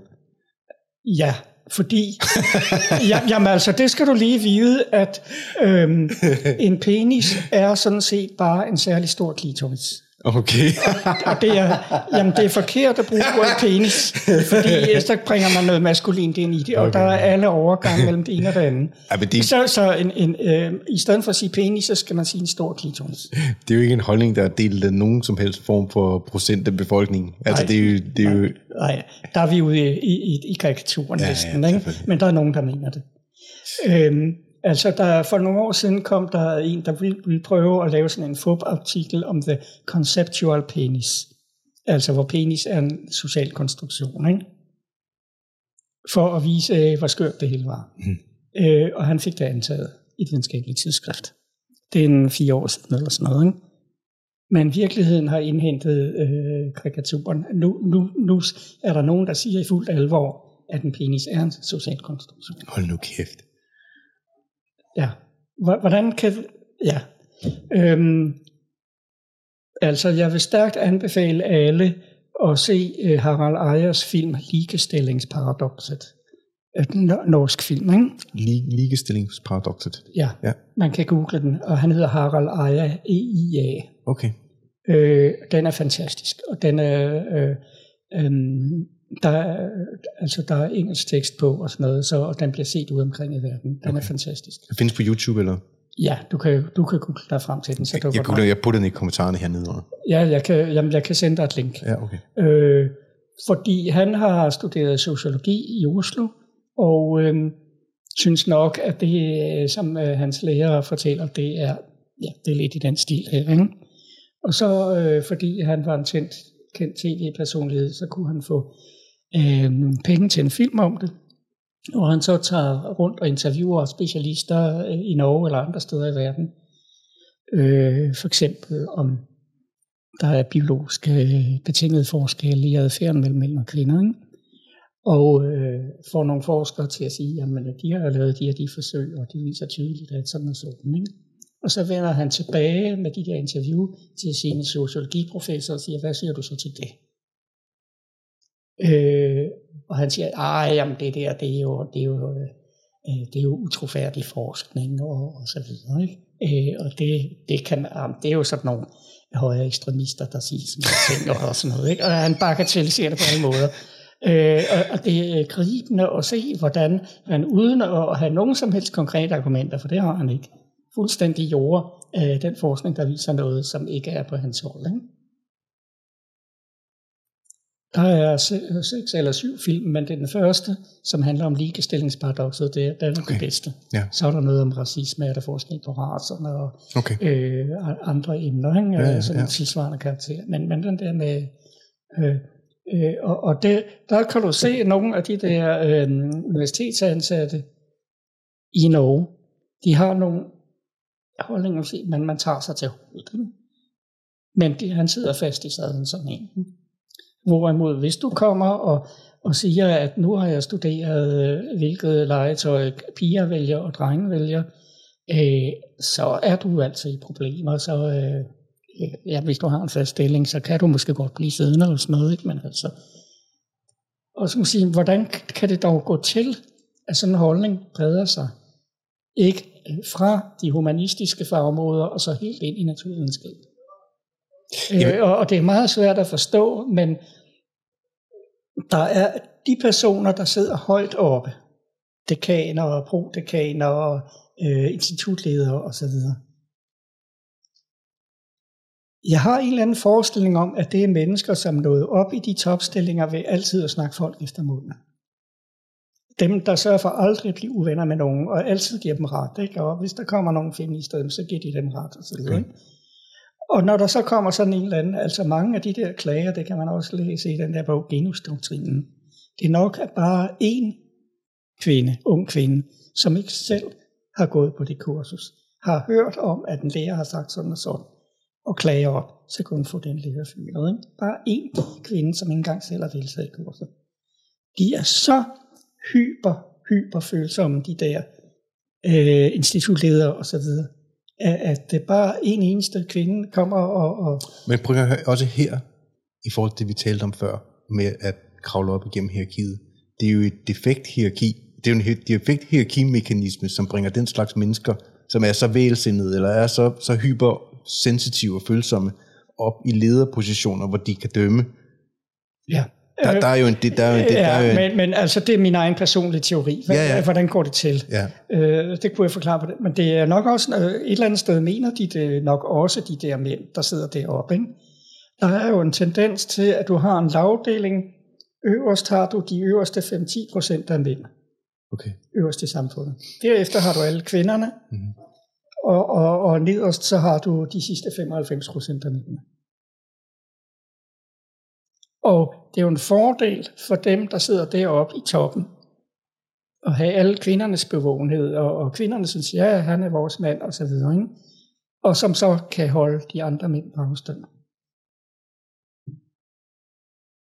Jeg ved det ikke. Jeg ved ikke, hvad der foregår i hovedet på dem, og jeg har meget svært ved at forstå dem. Men faktum er, at det ser vi overalt. Okay. At det er fuldstændig vanvittigt, hvad de der mennesker, som egentlig bestemmer, hvad de går med til. Altså, øh, nu har vi øh, den der med Jesdorf Petersen, der lige er blevet fyret ikke, for, for et eller andet, der er sket for 20 år siden. Ja. Nå, altså, og som vi- vist nok, at der er intet bevis for, at det er sket og sådan noget, og måske er det ikke sket. Ikke? Hvad, hvad er det for en mentalitet at fyre en mand på det grundlag? Ikke? Ej, så er der udrykning igen. Det er godt nok slemt. ja. Der er er ballade, samme. der er ballade på Frederiksberg. Ja. Nå, jeg kan ikke forklare det. Jeg kan bare konstatere, at der er en eller anden hypersensitivitet. Ikke? Ja. Så er der nogen, der vil lave en, på jura, der vil, jurastuderende, der vil lave en eller anden udklædningsfest med mexikanerhatte. Ikke? Øh, Og, og jeg kan til nød forstå, hvis det foregår i Texas, og man gør lidt grin med mexikanerne. Ikke? Men i Danmark, at man ikke må tage en mexikanerhat på, Øh, og, og, og universitetets ledelse siger, jamen det skal også være forbudt. Altså, Men så, jeg må ikke tage kasket på, fordi jeg er ikke til, bas- jeg er ikke til baseballkamp nu, eller hvad? Altså, hold nu op. Hold nu, hold nu bare op. Vi- har jo aldrig, det er jo ikke, fordi man lægger nar med mexikaner. man klæder sig bare ud som... Man klæder sig ud som mexikaner. Jamen det er klart, du må, altså vi rendte jo rundt med, med, med sådan nogle øh, fjerpulser og lavede indianer, det må man jo ikke, vel? Jamen altså, et, det, det, for mig, i mine øjne, der er verden fuldstændig at lave. Ja, Altså, i, i de der spørgsmål. ja. Altså, der, der er sket sådan en... Øh, jeg har virkelig svært ved at gennemskue, hvad det er, men det der med, at hvis man kan vise, at man er et offer på nogen måde, så har vi fået lavet en mekanisme, hvis du er et offer, så, så, så kommer du op i hierarkiet. Ja, og, og den, øh, den, altså, øh, øh, det var, jeg tror, det var helt tilbage i 1990'erne eller 2000'erne, at det begyndte at gå op for mig. Øh, jamen, ja, jeg tror, det var den gang, det efter 2004, hvor jeg begyndte at skrive læsebrev og information, at jamen, hva- jamen, kvinderne, de, de dyrker jo offerrollen. De, de vælger med vilje at fremstille som ofre. Senere hen har jeg fundet ud af, at det er ikke bare en tendens, det er fuldstændig centralt for dem. Altså, som, altså over en normal kurve. Nu, vi, vi kan ikke tale om den en, enkelte. Nej, feministerne. Ja, ja. Nå, okay, ja. ja øh, kvinderne, jeg mener feministerne, ikke? Ja. Øh, men også kvinderne får faktisk får en stor del i det hele taget. Ja. Og det er fuldstændig øh, gennemsyret i vores biologi, at mænd beskytter, og kvinder er ofre. Mm-hmm. Kvinder skal bare appellere til et eller andet damsel i en distress. Straks er der en eller anden ridder, der forsvarer hende. Ikke? Mm-hmm. Øh, det ligger meget, meget fundamentalt. Altså, de, de trykker simpelthen på en knap inde i os, whoopty, og så går vi i beskytter mode. Ikke? Ja, ja. Og den mekanisme er jo principielt sund nok. Det kunne den have været, Ja. men den bliver misbrugt Ja. til på det groveste. Ja. Altså, der, øh, hvad, hvad de der øh, feministkvinder i dag er ofre for, altså, Ja. altså øh, der er jo de værste steder, nogle amerikanske firmaer, ikke? hvis en mand kigger på en kvinde og fastholder blikket i mere end 5 sekunder, så er det seks overgreb. Hvad så, når to mænd kigger på hinanden? Må de så heller ikke det? Altså, det, øh, det, det er nok heller ikke så godt, det ved jeg ikke. Altså, ja, jeg, jeg må hellere kigge lidt til siden nu. Nå, øhm, men, men det gik op for mig, da jeg begyndte at, at samle øh, de der videnskabelige ting og hormonernes indflydelse på hjernen og alt det der, at øh, det har ingen gang på jord. Altså, jeg kan lige så godt lade være med at skrive det, fordi det bliver jordet. Øh, af, af, der er ikke en eneste universitetsansat i Danmark, der vil støtte mig. Jeg er jo ikke selv ansat på universitetet, ikke? Fordi de er enige, eller fordi de ikke tør? fordi de ikke tør. Okay. Inden for det naturvidenskabelige område. Ikke? Men man skulle netop tro, at det naturvidenskabelige område, som, som vil, det, det vil jo, altså i mine øjne, jeg står udenfor, jeg har aldrig gået på universitet, ja. så jeg kan ikke vide det, Ja. men udenfor, når man står og kigger på det, så tænker man, okay, de naturvidenskabelige drenge og piger, de ved, hvordan verden den ser ud. Kunne de ikke bare åbne munden og sige, hvordan den ser ud? Altså, Nej, eller nej. Kunne, kunne de ikke bare åbne munden, og så kunne vi have en diskussion om det, i stedet for, at, at vi skal øh, tro, at alting bare er et spørgsmål om socialisering? Altså, du kan jo risikere, hvis du kommer til at, at kalde en, en transperson for hun, så bliver du fyret fra dit job. Ikke? I Danmark. Visse steder i Danmark. Jamen det... Jamen det, altså, Ja. Øh, det er så nyt et område for ja. Alle mennesker, Ja, at folk vil tage fejl, ja, vil ikke vide, hvad de skal sige, ja. siger noget forkert. Ja, ja. Men hvis du en gang for 20 år siden har begået fejlgreb, Jeg skal ikke kunne sige med det der med, jeg står for de andre. Det, det er jo, det er jo der, svært der, at vide. var, der var for eksempel en ja, af de ja. bedste journalister på New York Times. Ja, Nu hedder den New Vogue Times, men øh, det har hidtil heddet New York Times. Ikke? ja. Øhm, en af deres bedste, han var vel 60 år eller sådan noget, jeg kan ikke huske navnet og så videre. Øh, han havde været på et kursus året før, et eller andet sted i Latinamerika. Og, og der var en af de studerende der, der havde spurgt ham om noget med næger, begrebet eller noget. Ja. Og i sit svar til vedkommende havde han så gjort den store fejl, at han udtalte ordet næger. I- Ikke, ikke på nogen øh, nedladende måde, men bare for at sige, altså, øh, du mener, at sådan og sådan, at, at næger var et eller andet. Ikke? Han havde taget det ord i sin mund. En gang. Han blev fyret fra New York Times. Jamen, det er jo fuldstændig galt. Ja. Nu, Altså- altså, nu, nu skal jeg altså lige i derud. Du skal på toilettet, ja, okay. Ja. ja. Men øh, øh, lige de sidste dage er der jo sket noget, fordi præsident Macron i Frankrig, han er gået øh, aktivt imod det her. Han siger, at den der identitetspolitik og postmodernisme har fået så meget øh, indtog på Frankrigs øh, universiteter, at øh, det vil vi ikke have. Og hvad han så kan gøre, det ved jeg ikke. Men det er første gang, at en har taget sig sammen til at gå op imod det. Der var lige, jeg tror i går i Jyllandsposten, Rune Selsing havde skrevet noget om, hvilke steder på de danske universiteter, at, at det der især florerer, Mm-hmm. og at det, det bør vi gøre noget ved. ja. Men øhm, altså på et eller andet tidspunkt må ballonen øh, punktere, fordi det er så absurd, ikke? Men, men den er ikke punkteret endnu. Men altså, det var de tanker, jeg gjorde mig, da jeg begyndte at skrive det her. Så på det tidspunkt, da jeg skrev den, og det er vist i 2015, den er udkommet, tror jeg. Og det føles allerede som længe siden. 2015. Øh, der handlede det jo så om, at nu, altså, den der woke øh, tankegang, den bygger jo på, at alting er en social konstruktion. Der findes ikke nogen sandhed. Øh, dem, der har magten, bestemmer, hvad der er sandt. Så det, vi tror er sandheden, det er kun et udtryk for, hvem der har magt. Øhm, og magten ligger i ordene, hvordan vi taler om tingene. Så derfor er der bestemte ord, vi ikke må bruge, fordi så, øhm, altså, der er nogen, der for eksempel mener, at ordene far og mor skal afskaffes. Ikke? Men det, det har de jo gjort i den, det, er- så vidt jeg kan forstå i den amerikanske, øh, det er, jeg ved ikke om det er kongressen, eller om det er et af, der er et af dem, hvor de, har, hvor de er i gang med at stryge alle øh, kønsspecifikke ord Nå, jamen, det gør man mange steder. Det gør man mange i, steder. i, i, i Ja, men altså, øhm, at alting er en social konstruktion, herunder at kønnet er en social konstruktion. Ikke? Øhm, og det er der jo masser af, af forskere, der går rundt og siger til hinanden. Øh, Så vil sige, okay, at øh, Nå, ja, der kan måske være lidt om det nogle steder, ikke? Opdragelsen kan betyde noget og sådan noget, ikke? For vores kønnede adfærd. Øhm, hvad belæg har de for det? Så jeg er gået så at sige ind i fjendens lejre, hvis jeg må bruge det udtryk. Mm.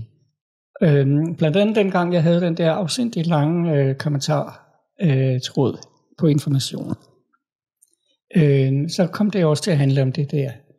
Øhm, og så øhm, var der nogen, der ville, øh, hvad, hvad du påstår, at biologiet spiller ind på køn. Hvad har du af bevis for det? Hm? Nå, jamen, så måtte jeg jo lige, øh, hvad, så fandt jeg en 10-12 referencer frem og, og citerede dem. Men jeg får ondt i hovedet bare, at du siger det. Vil, Nej, men lad, lad mig lige tale ja. færdig. Øh, så citerede jeg dem. Så, øh, nå, øh, det, det, så, øh, det, det ville de jo ikke lige læse, vel? Så, så stoppede den lidt der, ikke? Så svarede jeg tilbage, og nu vil jeg gerne have svar fra jer. Hvilken evidens har I for, at kønnet er socialt bestemt? Det snakkede de udenom og svarede ikke på. Og så, videre, ikke? så sagde jeg igen, nu har jeg brugt et par timer på at finde de der referencer frem, der belægger det, jeg siger. Vil I lige være venlige og finde nogle referencer frem for det, I siger? Øh, og så hårdt presset efter nogle dage, så, så var der en eller to, der gav et par referencer. Og den ene kunne jeg straks afvise og sådan noget. Men så, så var der en henvisning til en lærebog på 500 sider om pædagogik. The Sage Handbook of uh, Education, eller et eller andet. Øhm, og den kunne jeg ikke sådan lige på nettet sådan øh, komme til at læse og sådan noget. Ja, nej. Øh, men den smule, jeg kunne finde af det på nettet, det gav nu ikke belæg for noget. Nå. Øh, men da jeg så skulle skrive den her, så sagde jeg, okay, nu låner jeg The Sage Handbook of Education på 500 sider. Og det var sådan en hel masse forskere, der havde skrevet et kapitel. Ikke? Hvor har de så belæg for, at øh, drengens og pigers adfærd er socialt bestemt? Og det var der ikke noget af på de 500 sider. Men øh, de henviste til nogle andre forskere, som siger, jamen det er jo socialt bestemt fordi, og så henvisning til en forsker. Okay, så de af dem, der så mest øh, lødige ud, så bestilte jeg dem hjem. Du er en grundig, du er en grundig fyrkår. Ja, for, for at læse dem. Og det viste sig, nej, det var der nu ikke noget belæg for, men han henviste til en tredje person, når han skulle dokumentere, at kønnet var en social konstruktion. Ikke? Så fik jeg den hjem. Der var nu ikke noget belæg, men han henviste til en fjerde. Ikke? Og, til sidst ender sporet blindt. De citerer og citerer bare hinanden. Men der er altså inden for naturvidenskab, der har vi eksperimenter og forsøg og observationer og registreringer. Sådan noget har de altså ikke der, vel? Men, men, øh, og, og så prøvede jeg andre, øh, og så var der, så var der en eller anden norsk doktordisputat, så læste jeg den, ikke? Øh, og han henviste til en anden, øh, når han skulle, øh, ja, der er jo en kendt forsker, der, der, der er belæg for det, ikke? Øh, så fik jeg fat i det, ham den anden kendte forsker skrevet, ikke? Og hvad var hans belæg for at kønne en social Det var den der norske forsker. Så, så blev det sig selv ikke. Det kører bare i cirkel. Hvad? Ja, det kører bare i cirkel. Ja. Det bider sig selv i. Jeg har i hvert fald, nu har jeg ikke læst 60.000 sider af den slags, det er, det er virkelig en prøvelse at læse Men jeg har læst måske et par tusind sider. Ja. Jeg ikke et eneste sted fundet noget belæg for det. Men hele, altså alt hvad der foregår på de humanistiske og til dels samfundsvidenskabelige fakulteter på universiteterne, bygger på det. Men de har ikke noget belæg for det. Det er bare det er bare en sandhed, som ingen stiller spørgsmålstegn ved. Men de er jo så meget aktivistiske. Det indgår jo i den der woke-kultur, at øh, øh, det har ikke nogen øh, værdi at forske i noget, hvis ikke man gør det for at ændre verden. Øh, så, så det indgår som en integreret del af de studier der, at man skal øh, bruge det til at ændre verden. Øh, og det kan de blandt andet gøre ved at også begynde at bearbejde det naturvidenskabelige fakultet og ingeniørstudiet osv. Og, de kommer altid sådan med et eller andet med, det er jo synd for, og der er kun så få kvinder i datalogi og så videre, og der må jo være noget diskrimination, og det er også fordi, det bliver fremlagt på en måde, som frastøder kvinder, og man skal, altså, Aalborg Universitet kom jo her for et halvanden to år siden med en ordliste over ord, man skulle undgå at bruge i jobopslag. Ikke? For eksempel øh, øh, noget med ambitiøs eller faktaorienteret eller sådan nogle ting. Den slags skræmmer kvinder væk. Så ved at, hvis man bruger sådan nogle ord i jobopslag, øh, så får man jo vist mænd til at søge. Så, de, der, så, kom, så er der forslag til, hvilke ord man skal bruge i stedet for. Hvem har lavet sådan en liste? Den stammer fra England, men de har så importeret den til Aalborg og oversat den til dansk. Aalborg hvad? Aalborg Universitet. De har lavet en liste over ord, man ikke må skrive i... i Ja, de har lavet en liste over ord, man ikke må skrive i et jobopslag. Ja. Fordi fordi så er der flere mænd end kvinder, der søger.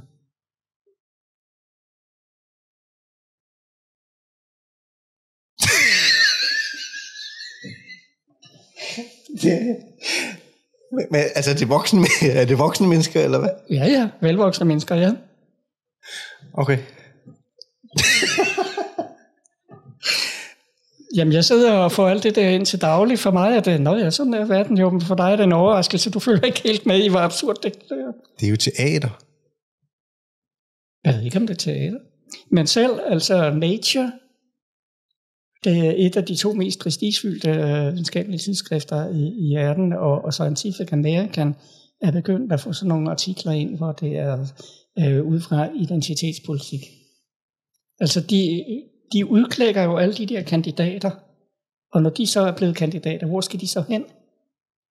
Jamen, øh, der er jo, vi skal jo gavne diversitet, og diversitet er godt og sådan noget, ikke? Så øh, har Nature ikke brug for sådan en, en person i deres redaktion, som, som lige sørger for, at, at øh, vi ikke øh, begrænser diversiteten og sådan noget. Nå, Så ansætter de sådan en kvinde, ikke? Og så har de fået, det er den trojanske hest, ikke? Det sker alle vejen. Nu, nu har jeg for eksempel været øh, i mange år medlem af den der forening NOA imod øh, forurening, ikke? som øh, blev stiftet i 69, som jeg nævnte for længe siden. Mm. Så her forrige år, så kom der en besked om øh, til medlemmerne, at øh, øh, nu vil man øh, øh, være mere kønspolitisk korrekt, fordi øh, mange af de der forureningsproblemer, de har jo at gøre med køn, for eksempel det er mænd, der kører i bil og sådan noget. Ikke? Øh, så, så nu øh, vil man ændre strategi, sådan at det vigtigste, det var det kønspolitiske. Der meldte jeg mig ud af foreningen. Man har en forening, der skal mindske forurening i verden. Ja. Og det vigtigste er det kønspolitiske. Ja, fordi det er jo mænd, der kører i bil og forurener. Det er mænd, der flyver i flyvemaskiner og så videre. Ikke? Så ved at bekæmpe mændenes måde at være på, så mindsker vi forureningen. Det er mænd, der, det er mænd, der spiser kød, det er kvinder, der er vegetarer og så videre. Ikke? Der meldte jeg mig ud af foreningen. Men for Jamen, øh, øh, mellem folkeligt samvirke, Amnesty International. Amnesty International, der kom der pludselig noget med, at, øh, øh, at øh, Danmark er jo en voldtægtskultur. Nå, er den det? Jamen, jeg anbefaler, at folk de skal altså ikke støtte Amnesty International, fordi øh, det går altså ud på at øh, fremstille det, som om Danmark har en voldtægtskultur. En voldtægtskultur. Ja. Danmark. Ja, Danmark. I, I forhold til hvad? Ikke i forhold til noget. Det er bare, at hele, altså det er jo en del af den der woke, I forhold til hvad? Altså, det er en del af den der woke tankegang, at det er jo ikke den enkelte mand, der er sønderen og undertrykker kvinderne. Det er patriarkatet, det er indbygget i systemet.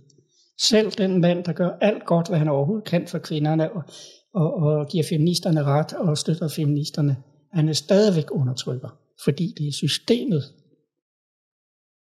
så det er jo ikke den enkelte mand i Danmark, der, der begår voldtægt. Det er, det er, det, er det danske samfund. Lige et der- øjeblik. Ja, de nordiske lande er de mest egalitære lande i hele verden. ja, Er vi ikke enige om det? jo, Det er de mest ligestillede lande i hele verden. ja, Der er lige muligheder for kvinder og mænd, ja, stort set fra top til bund i det her land. ja. Hvordan er der så indbygget i strukturen i vores samfund, at det skulle være en voldtægtskultur? Jo, fordi når en voldtaget kvinde vil møde op til politiet, så bliver hun mødt med skepsis. Ikke? Og så føler hun det ubehageligt, så de fleste kvinder, de tør ikke øh, øh, øh, anmelde voldtægter, og, og, og mørketallet er 10 gange så mange voldtægter, som dem, der bliver anmeldt. Jeg, jeg kender intet omkring tallene for voldtægt. Det vil jeg gerne lige Ja. have helt ned. Det, Ja. ja. det er jeg med på. Og voldtægt, de mænd, der har voldtaget en kvinde, skulle have penge skåret af og spærres ind. Det mener jeg altså helt uden sparket en knæskal af. Ja. Men øh, Men derfra og så til at sige, at vi har en voldtægtskultur i Danmark, der er immer væk. jamen, nu skal du høre, der, Altså, jeg forstår der, godt, der, at det er et skan, der er et skandinavisk land, hvor det er, er, er rigtigt, og det er Sverige. Af alle lande i verden, med hensyn til hvor mange voldtægter, der er på indbygger, der ligger Sverige i top 10. Jamen det er jo, altså, der skal vi lige, der tror der kan vi sige, at holde tunge, uden at jeg er ekspert på det, der skal vi lige også lige holde tunge lige i munden, ikke? Altså fordi den ene side er jo selvfølgelig, at Sverige har, øh, Jamen, jamen, forklaringen, de, de, de, de jo de ikke også om på deres, deres angivelse af, hvor, hvordan jo. at man, jo, jo, Ja. ja. men det er ikke det, der er forklaringen. Nå. Det, der har givet en lille stigning i antallet af anmeldelser. Men 90 procent af alle voldtægter i Sverige begås af folk med ikke-vestlig baggrund. ja, og det, Øh, de er årsag til, at antallet af voldtægter på indbygger i Sverige er 10 dobblet. sig det en gang til. Fra ca. 1970 og til nu Ja, er antallet af anmeldte voldtægter i Sverige 10 dobblet.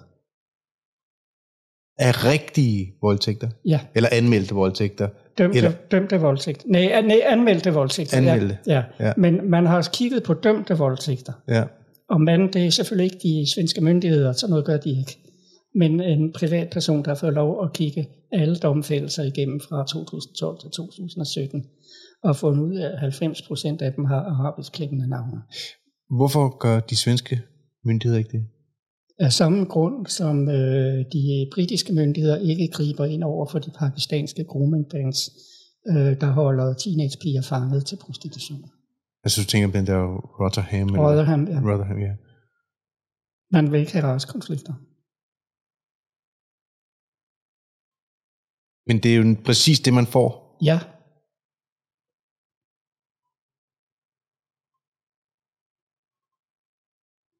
Cool. Altså, fordi det, det, ved, ved, ved, ved, at undertrykke, hvad der det, det er lidt, min, det eneste, jeg er ude efter, det eneste, jeg er ude efter med den her podcast, jeg, jeg, jeg er sådan set, jeg er ikke, jeg er lige glad med, hvad det er, der er sandt. Jeg vil bare vide, hvad det er, der er sandt. Altså med stort S. Så stort S, vi kan komme i nærheden af. Ja. Jeg er ligeglad med, om det er de ene, eller de andre, eller de tredje. Eller, jeg er ligeglad med forklaring. For mit vedkommende, hvis der kommer, hvis der kommer 100 biologer og siger, Thomas, der er 83 køn. Fine by me. Så skal Ja. jeg, bare, jeg vil bare gerne vide, hvad virkeligheden er. Ja. Fordi hvis ikke jeg ved, hvad virkeligheden er, så kan jeg ikke navigere ind. Så jeg ikke noget kort til at navigere mig frem igennem virkeligheden.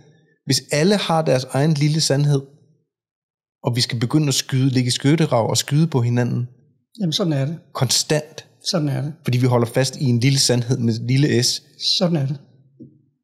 men det går jo ikke, Kåre. Nej. Altså, det går slet ikke på et statsligt, statsligt plan, at man ikke vil melde ud. Altså, øh, nu er der heldigvis lige kommet af de der øh, Plugrose og, og Linse, ikke, som har udgivet bogen Cynical Theories. Hvad hedder den? Øh, cynical, altså kyniske. Cynical, ja, okay. Cyn, Cynical theories, ja. Ja, og øhm, de har gået virkelig i dybden blandt de, skal vi sige, åndelige fædre og mødre øh, til alt det her woke-tankegang. Mm-hmm. Øh, altså, at identitetspolitikken blev opfundet der og der, og øh, det ene og det andet, og Black Lives Matter, og hvad ved jeg ikke. Øhm, hvad er tankegangen? Og, og noget af det kendte jeg i forvejen, men det meste af det havde jeg ikke. De har virkelig været i dybden med alle de der, øh, som er publiceret i de der øh, feministiske tidsskrifter og bøger, og hvor de nu er publiceret. Øhm, de har gjort det så grundigt, man kunne, og få skabe et overblik over, hvad det er for en tankegang. Hele den der hvor kultur har, som fuldstændig har erobret de amerikanske universiteter. Og øh, et af elementerne, de, der er mange forskellige elementer i det, et af elementerne i det er biologi er bandlyst. Fuldstændig totalt. Biologi er et tabuord. Der må ikke være noget biologi.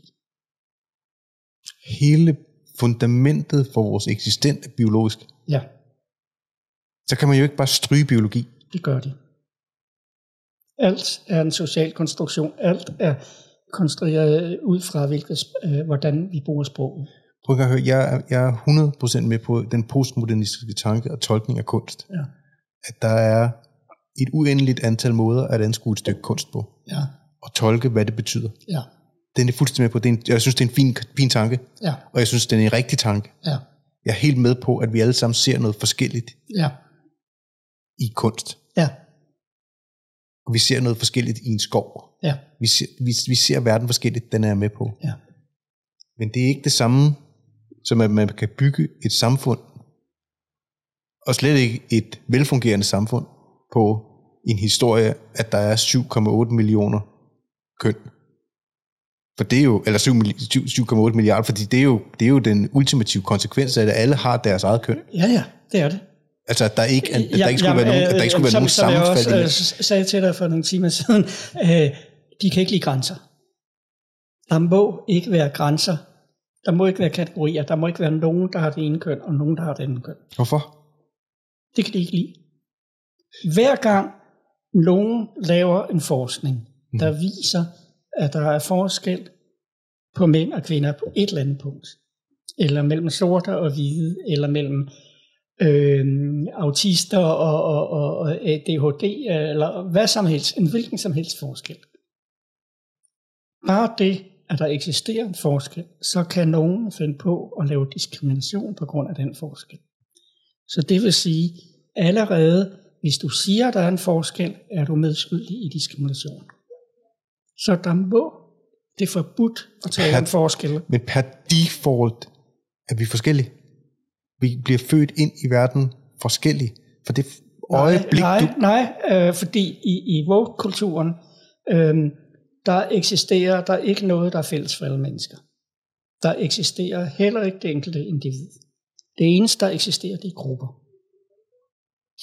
Hvilket modsiger det, jeg lige har sagt, men altså, det er jo ikke konsistent. Øh, altså, der er sorte mod hvide. De sorte har en gruppeidentitet, og den skal de dyrke. De fede har en gruppeidentitet. Hvis du bekæmper fedme, så ødelægger du deres gruppeidentitet. De blinde, de døve, der findes jo meget avanceret teknologi, hvor man kan få døve til at høre. Mhm. Det skal man ikke, fordi den persons identitet er at være døv. Man fjerner hans identitet, hvis man lærer ham at høre. Det mener du ikke alvorligt. Det er der ikke nogen, der har advokat Jo, for. Det, er, jo. det er en joke. Nej, det er ikke en joke. Det står i, linse, øh, i, i Plokros og Linses bog. Det er jo vanvittigt. Det er vanvittigt. Ah, det må være en joke. Nej, det er ikke en joke. De har belæg for det. Der er nogen, der har skrevet det. Der, der findes jo fact, fat aktivisme. Ikke? Men prøv en at Man skal være stolt af sin fed. Altså ligesom uh, hende der, den danske komiker, hvad hun hedder.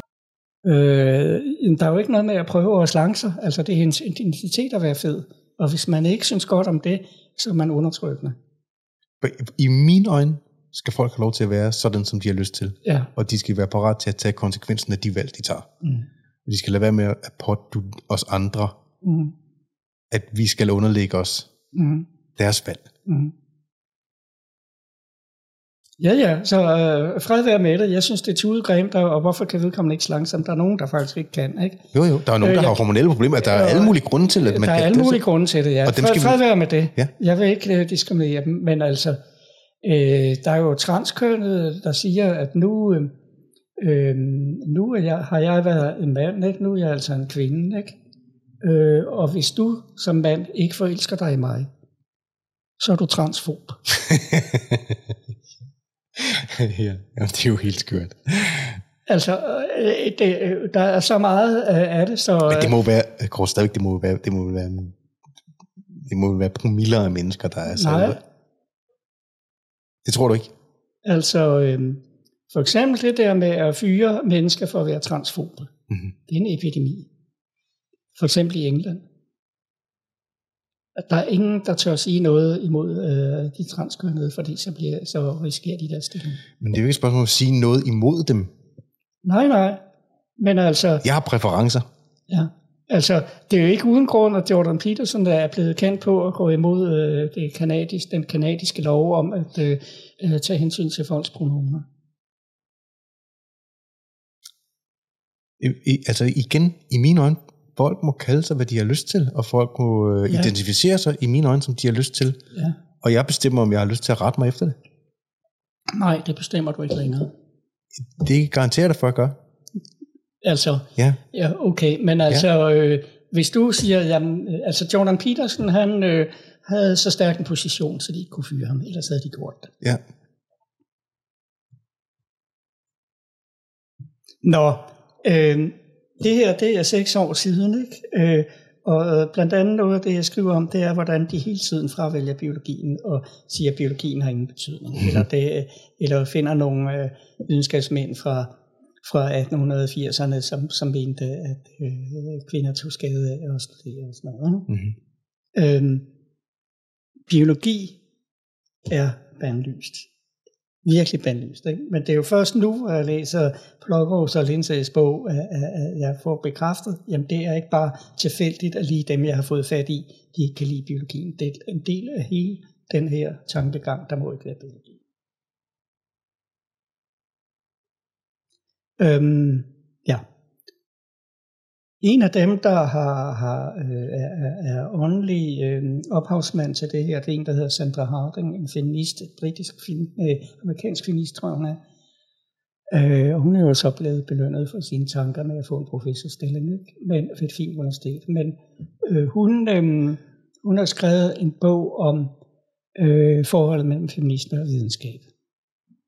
Og øh, her siger hun jo så, at altså, det, der er emnet, det er jo øh, undertrykkelse. Det hvor- hvorfor skal vi have en videnskab i de sociale områder? Det er for at bekæmpe undertrykkelse. Det skal jo have et formål. Mhm. Og kvinder er jo undertrykt af mænd. Ligesom sorte er undertrykt af hvide. Mm. Og øhm, hvis man skal have en sandhed om den her konflikt, så kan man ikke få den fra undertrykkeren. En slaveejer kan ikke sige noget sandt om, hvordan det er at være slave. Det kan kun slaven. Og på samme måde, en mand kan ikke sige noget sandt om forholdet mellem kønnene. Det kan kun en kvinde, for hun er den undertrykte. Og det vil sige, at i en hvilken som helst øh, faglig kontrovers, øh, der er det, som den mest undertrykte siger, det sande. Det vil sige, hvis en mand og en kvinde er uenige om et eller andet fagligt, så er det automatisk kvinden, der er ret altid. Så er det jo ikke særlig godt at være mand øh, og gerne vil gøre karriere inden for sådan et eller andet akademisk verden. Ikke? Hvad gør man så? Så begynder man at støtte de transkønnede. Fordi de transkønnede, de bliver undertrykt af feministerne.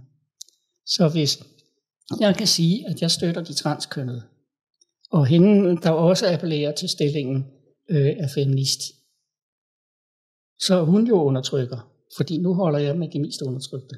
Så vejen frem i en karriere, hvis man er så uheldig at være en hvid heteroseksuel mand, det er at støtte de transkønnede. Ellers kan du ikke få en stilling. Og, og, og derefter den næste gruppe, som de så... Ja, Ja. Okay. altså hvis du virkelig vil lægge verden for dine fødder, så skal du være en sort, lesbisk kvinde i rullestol. så, er der ingen, altså, så har du altid ret. ja, ja. Det er, det er tanken i, i intersektionalisme og identitetspolitik. Ikke? Nå, men altså Sandra Harding, øh, der sagde, at det er altid kvinden, der har ret. Ikke? Hun, hun kan jo for eksempel ikke lide Isaac Newton, øh, ham med tyngdekraften, ikke? Øh, og mekanikkens love og sådan noget. Øh, og hun siger, at øh, det, det er jo, han har en maskulin tankegang. En hvad? En maskulin tanke? Ja, Isaac Newton. Hun kan finde nogle passager, hvor han, det er noget med at erobre naturen og udnytte naturen, og sådan, der kan man se, hvilken undertrykker han er. Ikke? Øh, og og øh, hun, hun vil have afskaffet Newtons lære, fordi han er mand. Og øh, øh, Newtons bog om de mekaniske principper, mener hun skal omdøbe, omdøbes til Newtons voldtægtsmanual. Fordi den handler om, hvordan man voldtager naturen. Og så kan man sige, jamen, så kan vi jo så ikke forklare planeternes bevægelser og sådan noget. Nej, øh, så skal vi tilbage til middelalderen, fordi der havde man noget med, at det var engle, der skubber planeterne hen over himmelvælvingen. Hold nu kæft. Øh, og det mener hun i fuldt alvor. Nej, det er den nej, bedre nej. form for, det mener hun i fuldt alvor. Og hun er blevet professor på det. Nej. Jo, Åh. det er hun. Så man siger, hvad foregår der op i hovedet på de mennesker, der forfremmer hende til professor? Jeg kan ikke forklare det. Det kan jeg kraftedeme ikke. Men det, altså, det, det, må, det, må, det, må, det må bero på en misforståelse, det der. Nej, hun mener det. Og der er andre, de er, øh, den gruppe af, af, af, af feminister, der tænker de tanker der, de, øh, noget af det værste, der overhovedet er, som de virkelig skælder ud på, det er oplysningstiden. Ja, fy for søren. Ja, Hvis ikke vi havde haft den, hvor havde vi så været henne? ja, ja, men hun vil tilbage til middelalderen. Hun vil tilbage til der, hvor planeternes bevægelser forklares af engle skubber til dem. Der, hvor det virkelig gik galt, det var omkring 1600-tallet. Der startede en forkert udvikling i kraft af oplysningstiden. Det var der, hvor mændene overtog styringen af verden. Og det er gået galt lige siden, og nu står vi med atomvåben og sådan noget.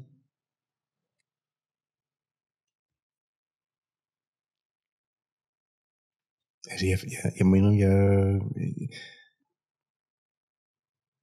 jeg bliver fuldstændig tabt. Ja, Altså, jeg, jeg, jeg, det er som om, at, øh, det er som om, at det, man er inde i sådan en klovneverden. ja, Eller ved sådan et eller andet, øh, ja. ja, det er Alice i Eventyrland eller et eller ja, andet. et eller andet, du ved, hvad vi har taget stoffer, eller... Ja, ja, ja. Men det er, det er virkeligheden.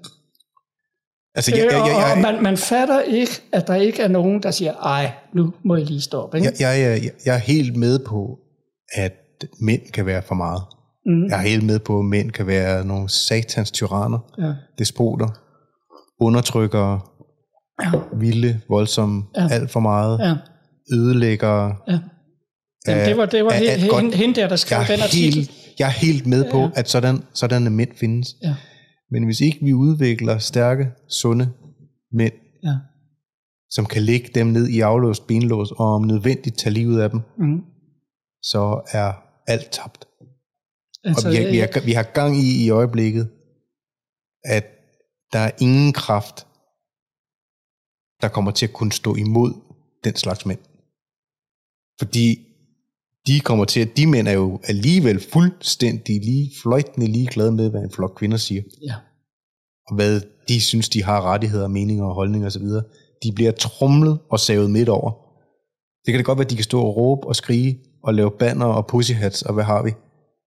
Den type mand er fuldstændig ligeglad med det. ja, vi skal lige have ham øh, på banen. Hvad siger du? Vi skal lige have ham på banen. Ja, vi skal have den sunde mand på banen. Ja, ja altså nu sagde jeg, Ja, ja. den første overhovedet, der for alvor har talt imod det nu, det er præsident Macron, og det er en uge siden. ja. Nå, okay. Jo, der er lidt øh, ham i Ungarn der, ikke? Jo, jo, jo. Øh, som, som har forbudt kvindestudier Jo, så var det selvfølgelig, Trump talte selvfølgelig også det ret, ret garette imod, men han, han er så, Ja, han, han, er helt uden for nummer. han er ude, han er, vi er ude af stand til at se, hvad han er. Ja. Ja, så, så jeg, jeg, jeg er meget varsom med at hver- hverken starte eller åbne diskussioner omkring Nej, der, der, der vil jeg stå af. Ja. ja der vil jeg stå af. Øh, det er ikke dagens. Men han talte det direkte imod. Det var Trump. Fra ende til anden, fra han gik på præsidentstolen, til han forlod den igen. Nå, ja. ja. Men øh, ja, det er kun en lille bitte del af alt det vanvid, der er. Ja. Øh, jeg har nævnt genusdoktrinen, det er Ivar Arpi, og jeg kan ikke huske, hvad kvinden hedder. Og så er der altså cynical theories. Nå, øhm, jeg har lige den fjerde bog, den er måske i en vis forstand lidt mislykket, fordi så vil jeg begynde at skrive noget om, om øh, skal vi sige, den sociale sandhed. Mm-hmm.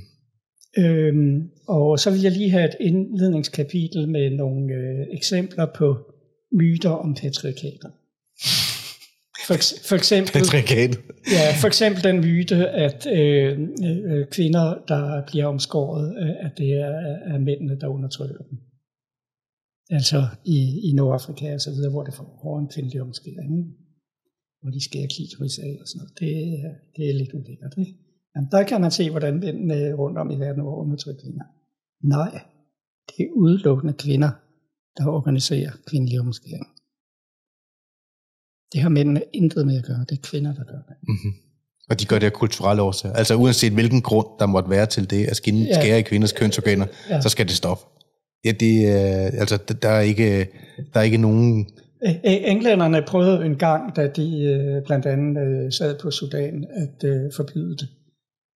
Men øh, det var med til at give stor lokal modstand mod englænderne. Det var med til at drive englænderne ud Ja. af Sudan. Ja, ja, jeg er med på, at, at den, den form for overtro Ja. og religiøsitet er ekstremt svær.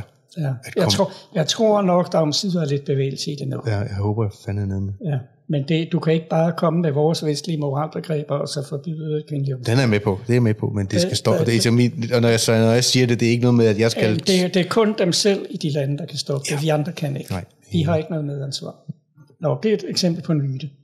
Og øhm, øh, en, nu kan du se, der er fire tegninger her. Den ene, det er, det er noget med kristendommen. Ikke? Mhm. At kristendom er patriarkalsk. Jamen, det er den mest øh, feminine religion, der findes. Det må man sige, ja. ja. Og så, ja. Når, øhm, og så er der nogen, der har sagt til mig, jamen, altså, der er ingen, der læser sådan en bog der. Du, du skal, den skal være højst 100 sider og sådan noget. Okay, den sneser op på 118 sider, ikke? Men det var fordi, jeg skulle også lige forklare, hvad patriarkatet er, ikke?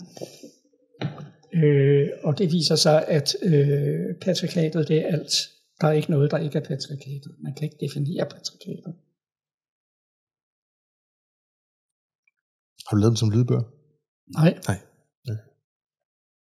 Det kunne godt være, du skulle overveje det. nå, ja. Der er mange af os, der er mange af os. Altså, jeg, jeg, jeg læser alt for langsomt til, at jeg får læst Ja, ja, bøger. Altså, jeg det- har, det- jeg har mange bøger, men jeg får læ- jeg, mine øjne, jeg skal høre, jeg skal ja, høre det inde ja, i hovedet. Ja, det var muligt. Men øhm, den her, som så den foreløbig sidste øh, på, på mit eget forlag. Ja, ikke? ja, ja. Altså heldigvis er trykketeknikken blevet meget tidligere nu. Ja, Så det er meget billigere nu, så det er meget billigere for mig, end Ja. ja. den første bog, der var. ikke? ja, du kan også producere dem stykvis formentlig, eller nærmest. Ja, ikke også? øh, det, det, det har jeg gjort med den her. Ja. Øhm, eller det er 50 af gangen. ja, ja. Øhm, Men du kæmper, du, altså, kom, øh, ja, øh, øh, lad top trådene. ja, øhm, jo, det, nej, øh, men, men altså, øh, den er jo ikke blevet nogen sælger til, vel? Jo, nu kan jeg huske, hvad det var. Øh, så går den jo til øh, biblioteksvæsenet, ikke? Øh, og så kommer der jo en, en udtalelse om, om den til, til biblioteksvæsenet. Øhm, og med den her, der blev den bogen fuldstændig sablet ned. Så meget sablet ned, så jeg klagede altså over det. hvad skrev de? De skrev først og fremmest, at øh, det her, den her, den øh, ville fraråde folk at læse. Man skulle hellere læse øh, Henrik Marstalls seneste bog. Hvad fanden skrev de det for? Det var da ikke en anmeldelse af den. Altså, de skal altid øh, nævne andre bøger om Nå, samme okay. emne. Okay. Øh, og, og der stod altså, at øh, øh, de synes ikke, at bibliotekerne skal anskaffe den her. Okay. Men øh, de kan i stedet for anbefale Henrik øh, Marstalls bog, Brev fra en kønsforræder, eller hvad den hedder. Okay. Men jeg har, jeg har ikke læst. Nej, jeg, jeg det har jeg heldigvis heller Jeg, ikke. jeg, jeg kender ham kun perifært. Altså, ja, ja, ja. Han er jo øh, sådan en fuldstændig øh, feminist, der øh, femi- feminist i anden potens, der, der er endnu mere feminist end kvinderne er. Ikke? Kan man godt være feminist som mand? Ja, ja, Nå, okay. det kan du godt. okay. Men øhm, den klagede jeg over, men jeg fik jo ikke medhold. Og det viser jo, at hende, der er formand for det organ, der øh, styrer de der anmeldelser, øh, hun arbejder på samme bibliotek som, som den mand, der har øh, læst bogen og anmeldt den. ikke? Så der kommer jeg ikke igennem, vel? Øh, og det er jo fordi, det er på grund af det, øh, det de har kun, øjensynligt kun, de har kun læst det første kapitel, og så er han så blevet så vred, så han, øh, og det er det kapitel, der beskriver, hvad patriarkatet er. Og den beskrivelse, den, øh, der er blevet så vred, så den bog skal bare sættes ned. Kåre, er du, er, du, øh, er du meget anderledes på skrift, end du er i den virkelige verden? Nej. Altså fordi du er jo øh, så høflig, flink, imødekommende, Jamen, sympa- altså, sympatisk selskab. Hvad, hvad er det, du skriver, der er så forfærdeligt, at man skulle blive så vred? Altså, jeg er ikke blevet vred over dig endnu. Nej, øh, jeg kan ikke huske, om jeg lige kan... Øh, Men du behøver ikke lede efter noget. Jeg spørger, det, det er lidt et retorisk spørgsmål. øh, ja, men altså, det kan da godt være, at man kan finde en enkelt sætning, hvor jeg har skrevet noget om patriarkatet, som han kan blive sur over, ikke? Sådan en anden feminist, altså. Men, øh, ja. Nå, øh, det var mine fire bøger, og så har jeg jo altså... Øh, øh, så har jeg jo kørende den der kønsdebat Mm. øh, side på Facebook. Ja. Hedder den det? Kønsdebat? Ja. Ja.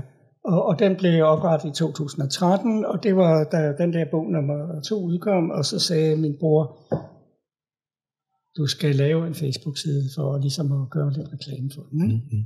Og den Facebook-side, den er bare... Så, Eksploderet. Ja. nej, den er ikke eksploderet, øh, men altså den, øh, den tid, jeg bruger på den, er eksploderet. ja, okay. Øh,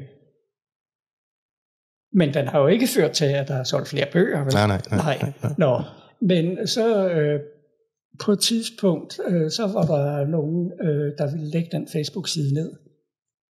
Øh, og de fik øh, Facebook til at, at, at blokere siden. Øhm, og det var dybt urimeligt. Og Hvor længe så, siden er det? Øh, To-tre år siden. Okay. Og øh, så var jeg så svineheldig, at øh, der var en journalist på Berlingeren, øh, der ville skrive noget om Facebook-censur, og, som jeg fik kontakt til. Og så kom der sådan et, et helt opslag om, om, hvordan Facebook havde lukket min Facebook-side. Øh, og dagen efter, så var den side åben. Og den er ikke blevet lukket siden. Jeg fik mig en forskrækkelse, øh, at øh, de kunne lægge min side ned. Ja. Øhm, og så var der jo nogen, der sagde, at du skal have en blog, fordi øh, den, den kan Facebook jo ikke lige lægge ned. Så Nej. oprettede jeg også en blog, der hedder Kunstdebat. Øhm, og det har så udviklet sig på den måde, at øh, øh, du kører Facebook-siden, og, og så øh, bloggen bruger jeg nu til at lægge faglige udredninger. Okay. For eksempel om transkønnet. Ikke? Så, Som, som hedder kønsdebat også? Køn, Ja. Kønsdebat.dk eller? Ja. Ja, okay. øh, for eksempel om øh, psykisk vold, eller transkønnet, eller falske voldtægtsanmeldelser, og sådan nogle emner, hvor jeg har brug for at give en masse referencer og fremstille emnet i sammenhæng. Og det er der jo øh, det er der måske fem mennesker i verden, der læser sådan en, en, en, et opslag der, men jeg kan bruge det i diskussioner. Ikke? Ja. Hvis jeg siger, at der er lige så meget psykisk vold mod mænd som mod kvinder i parforholdene, ikke? så kan jeg bare henvise til det. Så stopper diskussionen der, hvis det er en eller anden debat, tror jeg. Jeg kan jo ikke anføre alle de der 17 referencer til det i en Facebook-tråd. Ah, nej, det synes jeg selv. Så, og, og det gælder vel også de her bøger, at øh, der er så få, der læser dem, men jeg kan henvise til dem. Det står der, og det kan så lukke en diskussion. Det leder til øh, det helt åbenlyse spørgsmål. Hvorfor? Jamen, det, øh, det er vel, det er vel øh,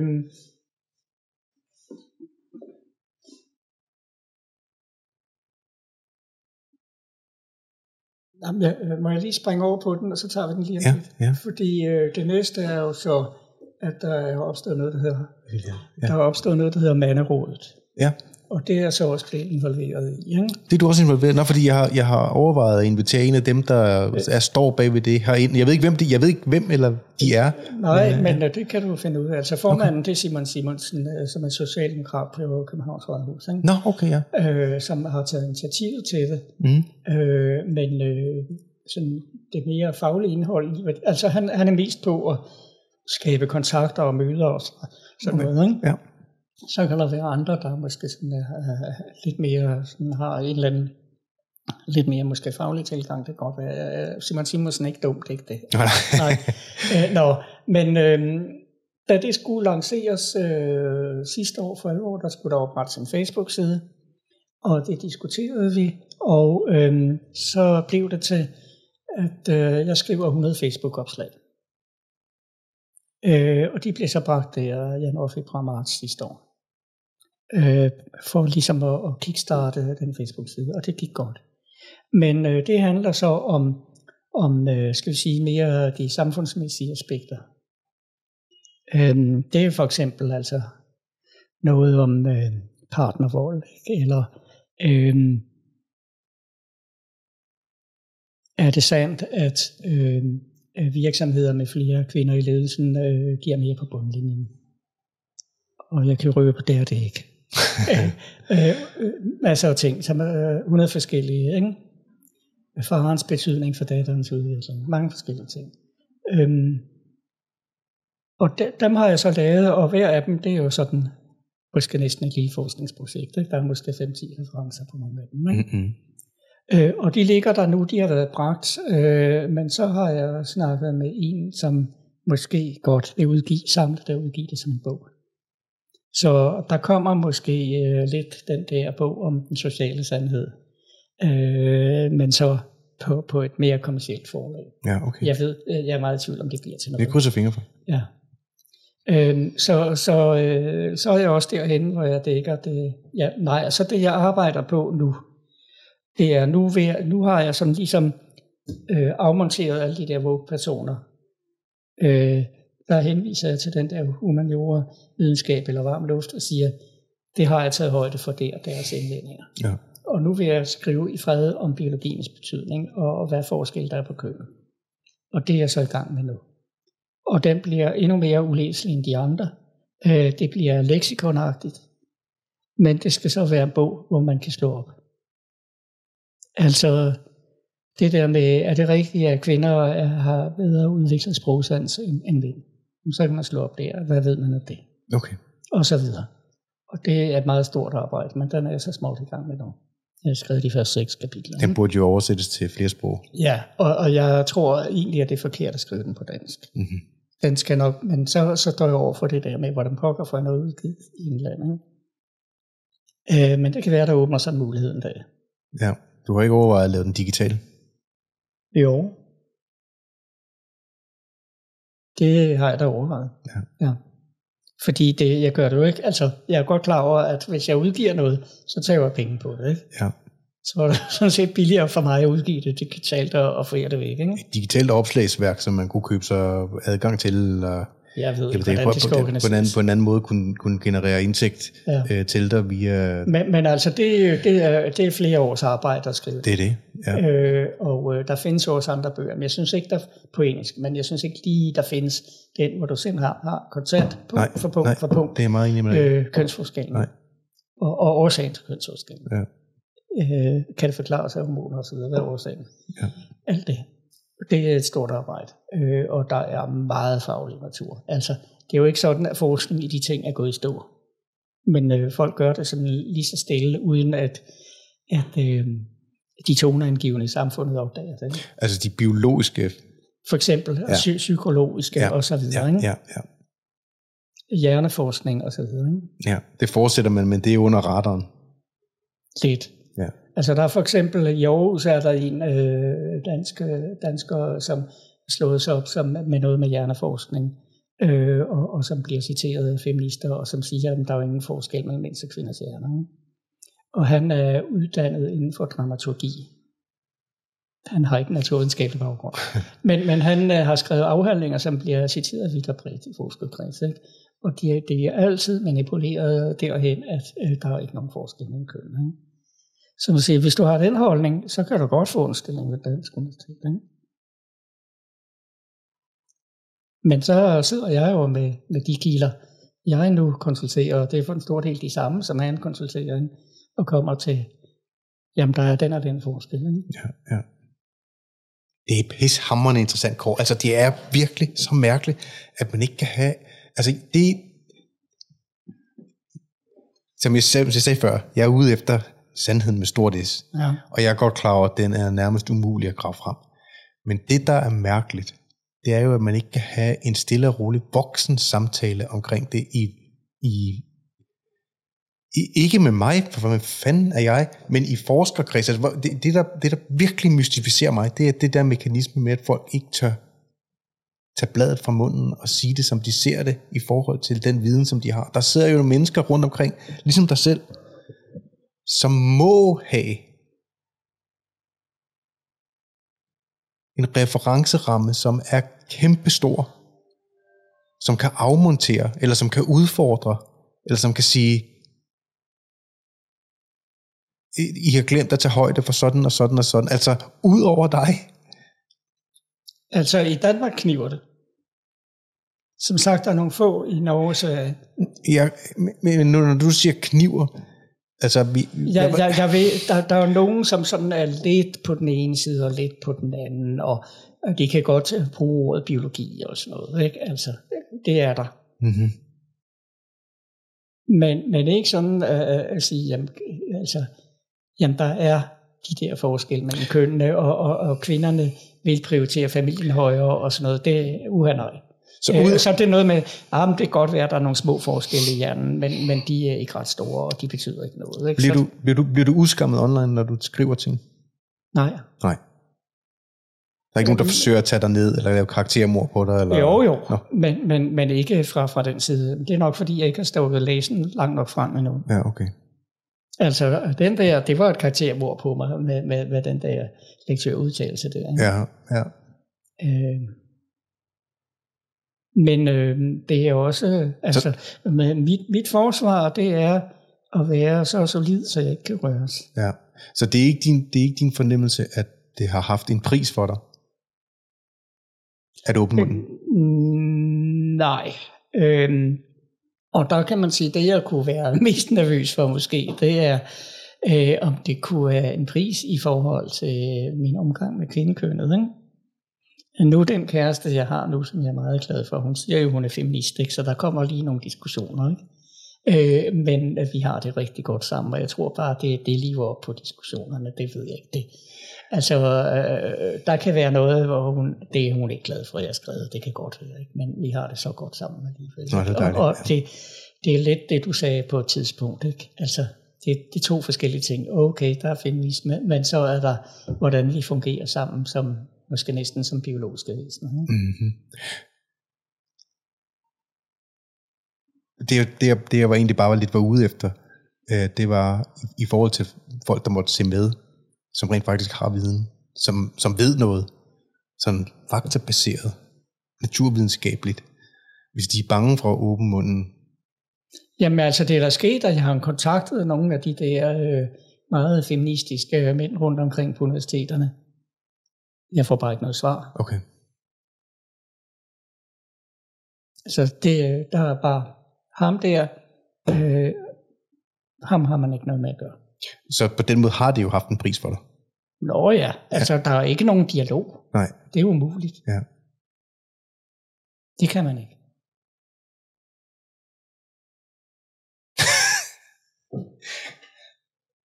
Så skide være med, at du har læst 100.000 siders... Øh, Ja, ja, øh, ja det spiller ingen det, rolle. det, har ingen, det har ingen rolle, ingen værdi, fordi Nej. at... Øh, Ja, fordi jeg øh, ser det med de briller, jeg gør. okay. Det har ingen værdi. Nå, altså i mine øjne har det kæmpe værdi. Ja, ja. Og jeg tror, i mange almindelige menneskers øjne, Ja. har det at rejse den stemme op, specielt hvis man gør det på en ordentlig måde, Mm. kæmpe værdi. Og jeg vil råde enhver med naturfaglig øh, baggrund, som ved noget om de her ting, til at rejse sin stemme. Ja. Og Men- sige, hvad, hvad de mener, hvad deres bedste bud på, hvad de mener er sandt er. Fordi hvis ikke vi gør det, så skrider vi ned ad en social konstruktivistisk vej, hvor der ikke er hoved og hale på noget som helst. ja, og det her, altså nu, hvis jeg har det her en samfundsmæssig betydning. Ja, det har det. Er det derfor, du gør det, fordi du... Øh, Og også derfor. Ja. Men det er noget, jeg mere og mere er blevet klar over. ja, At øh, jeg ser det her som et udtryk for, at den kvindelige tænkemåde har vundet. Og det skal ikke forstås sådan, at alle kvinder tænker på den måde. Heldigvis ikke. Der er masser af, af kvinder, der er lige så fornuftige, eller endnu mere fornuftige, end, end du og jeg. mm-hmm. Og, og lige så dygtige til at drive videnskab osv. ja.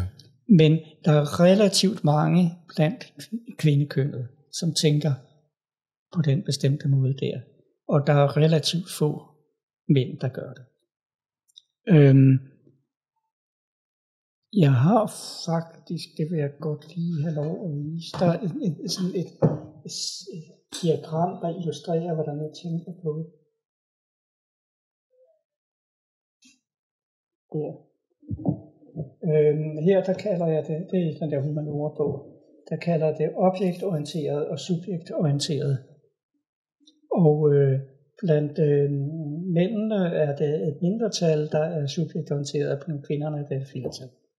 det er sådan en principskitse, der er jo ikke er eksakt antal dage. Nej, så det du mener, det er, at mænd er mere interesserede i ting, og kvinder er mere interesserede i Ja, relationer og mennesker. ja. Ja. Og det har vel, det har vel været fastslået de sidste 25 år. Nej. Øh, der er masser af mennesker inden for, for den kreds af forskere taler om, som på det bestemteste benægter, at det har noget på sig. Det, det fatter jeg ikke bringet. Jeg synes lige, jeg har læst det både i... Øh, øh, Ja, ja. det, jeg synes, jeg har læst det over det hele de sidste, Ja, ja. de sidste par år, at, det, Ja, ja. at, sådan, at sådan er fordelingen, og, det, og, og, det, det, og at det, den, den model der netop er årsagen til, at vi er i et land som Danmark, eller Sverige eller Norge, de mest egalitære samfund, hvor folk har mulighed for at forfølge lige præcis det, de synes er vigtigst for dem, Ja, at der er en spredning i, hvad, folk, hvad kønnene søger imod, hvilke fag det er, Ja. de ønsker at arbejde indenfor. ja, altså der er mange mandlige ingeniører og få kvindelige den dag ingeniører. foran din. Der er mange mandlige ingeniører og få kvindelige ingeniører. Der er ma- øh, mange kvindelige sygeplejersker og få mandlige Det er sygeplejersker. det, jeg mener. At, Men, men det går meget videre. Altså det der objektorienterede og subjektorienterede, så skal man så læse min sigt, hvad jeg mener med det. ja. Det er for eksempel også, at de subjektorienterede, de accepterer ikke grænser. De øh, accepterer ikke, at man bliver puttet i kategorier. Der, der er mange andre ting. Der er øh, de øh, objektorienterede mener, at de har et indre fast selv. Mm-hmm. Det gør de subjektorienterede ikke. Nej. Det, er, altså, det går meget videre end det. Ikke? Men altså, øh, der er sådan en, øh, der er blandt kvinderne, når en masse kvinder kommer op i den akademiske verden, så vil den der tankegang komme til at spille mere igennem. Hvis de kommer inden for øhm, politik, hvis de kommer inden for retsvæsen, hvis de kommer inden for medierne osv. Alle de steder spiller det ind. Må jeg lige sige noget her? Alt det er jo godt og fint, og alt det har vi formentlig brug for, kommer indenfor, hvis det er i en balanceret mængde med det modsatte. Forstår du, hvad jeg mener? Det, det skaber... Øh, øh, jeg, jeg er ikke enig med dig. Nej, men det, men det må jo tilsammen skabe en større dynamik, som, kan, som, kan, som er brugbar. Ja, det kunne det godt gøre, men, Ja. men den måde, det ytrer sig på, Men det er med på, det er med på i den, i den sunde form, i den sunde form, ja. vil det være, vil, vil det være stærkt Altså, opløftende at, at få det indenfor. øh, øh, vel, velfærdssamfundet Ja, blev jo sådan set drevet frem af kvinder i begyndelsen af 1900-tallet. ja, Øh, der var selvfølgelig nogle mænd også, ikke? men altså, kvinderne var så stærkt motiverede, de fik det drevet frem. Ikke? Mhm. Og vi er jo alle sammen glade for, eller de 99 procent er så glade for at have velfærdssamfundet. ja.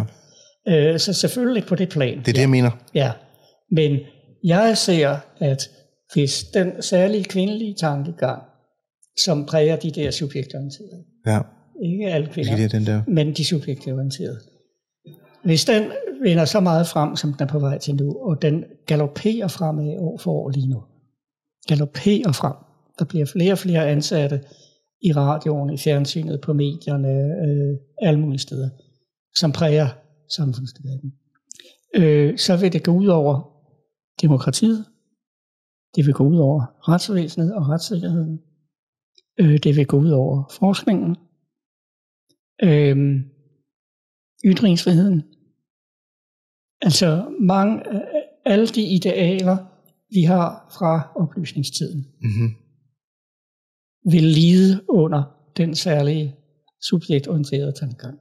Det er det, jeg mener. Oplysningstiden Ja. ja. er bygger på en objektorienteret tankegang. Ja. Og det er jo ikke fordi, at det er jo ikke fordi, at oplysningstiden er evig sand. Altså at de ting, der er udvundet af det, er det eneste sande.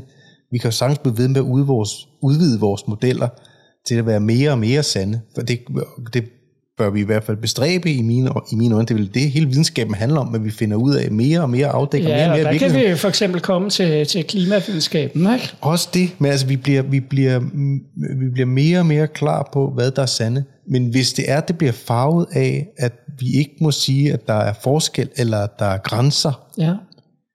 det er jo, det er jo livsfarligt for, ja. Ja. for, at udvinde, for at udvinde, hvad det er, der reelt er sandt. Forstår du, hvad det er, jeg mener? Altså selv som, jeg, jeg er kreativ menneske, det synes jeg også, jeg sagde til dig før. Jeg er vokset op, Ja. jeg har været interesseret i følelser, i farver, i musik, i Ja. toner. Ja. Mine sanser er i et vist omfang forstyrret af, at når jeg hører musik, så ser jeg farver. Når jeg ser farver, så hører jeg tonearter. Jeg, jeg, jeg, jeg har sådan en man, mærkelig øh, syntese i af det, så det, det har naturligt altid op, op, interesseret mig. Og grænselandet imellem, hvad sker der i den smeltedil, når man putter to ting, som egentlig ikke burde høre sammen, sammen? Ja. Det interesserer mig. Men det er jo ikke det samme som, at man kan bygge et samfund, eller en landsby, eller en familie, grænseløst. På, altså, øh, ligesom man ikke i dit, dit eget personlige væsen kan være fuldstændig grænseløs og have i, hvad vi i, i øh, hvad vi måske bedst kan beskrive som værende et succesfuldt liv.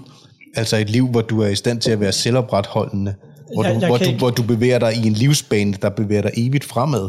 Nu må Hvis- jeg lige afbryde dig. Ja. Ja. Jeg kan ikke lide ordet succesfuld. Det er en anglicisme. Et vellykket liv. Et vellykket liv, ja. Det, ja. Ja. ja, ja. Så, så vellykket er i virkeligheden også et bedre ord, fordi at der ligger ikke nogen, for, for mit vedkommende, i forhold til at have et vellykket liv, er det jo et, er det jo et målstok imod ens selv. Ja. Ikke i forhold til, hvad kulturen og så videre. Jeg er ikke ude efter, at du skal have en Porsche, og du skal have biler og Nej, huse og så videre. Det er ikke det, jeg mener. Men hvert menneske har inde i en forestilling om, altså et blueprint for, hvordan ser et vellykket liv ud, Ja. og hvor tæt er du i stand til at bringe dit egen tilværelse i overensstemmelse med det indre billede. ja. Det sker ikke, uden du har sunde grænser, og uden du har, hvad hedder det, øh, Jamen, jamen, du kan i virkeligheden sige, altså succesfuld, det har vi fra successful, ikke? ja, Det er jo to forskellige kulturer, at sige vellykket eller sige succesfuld. ja, ja, Og det du ønsker er egentlig det vellykkede, og Ja, ikke ja. det succesfulde. ja, ja, Faktisk. ja.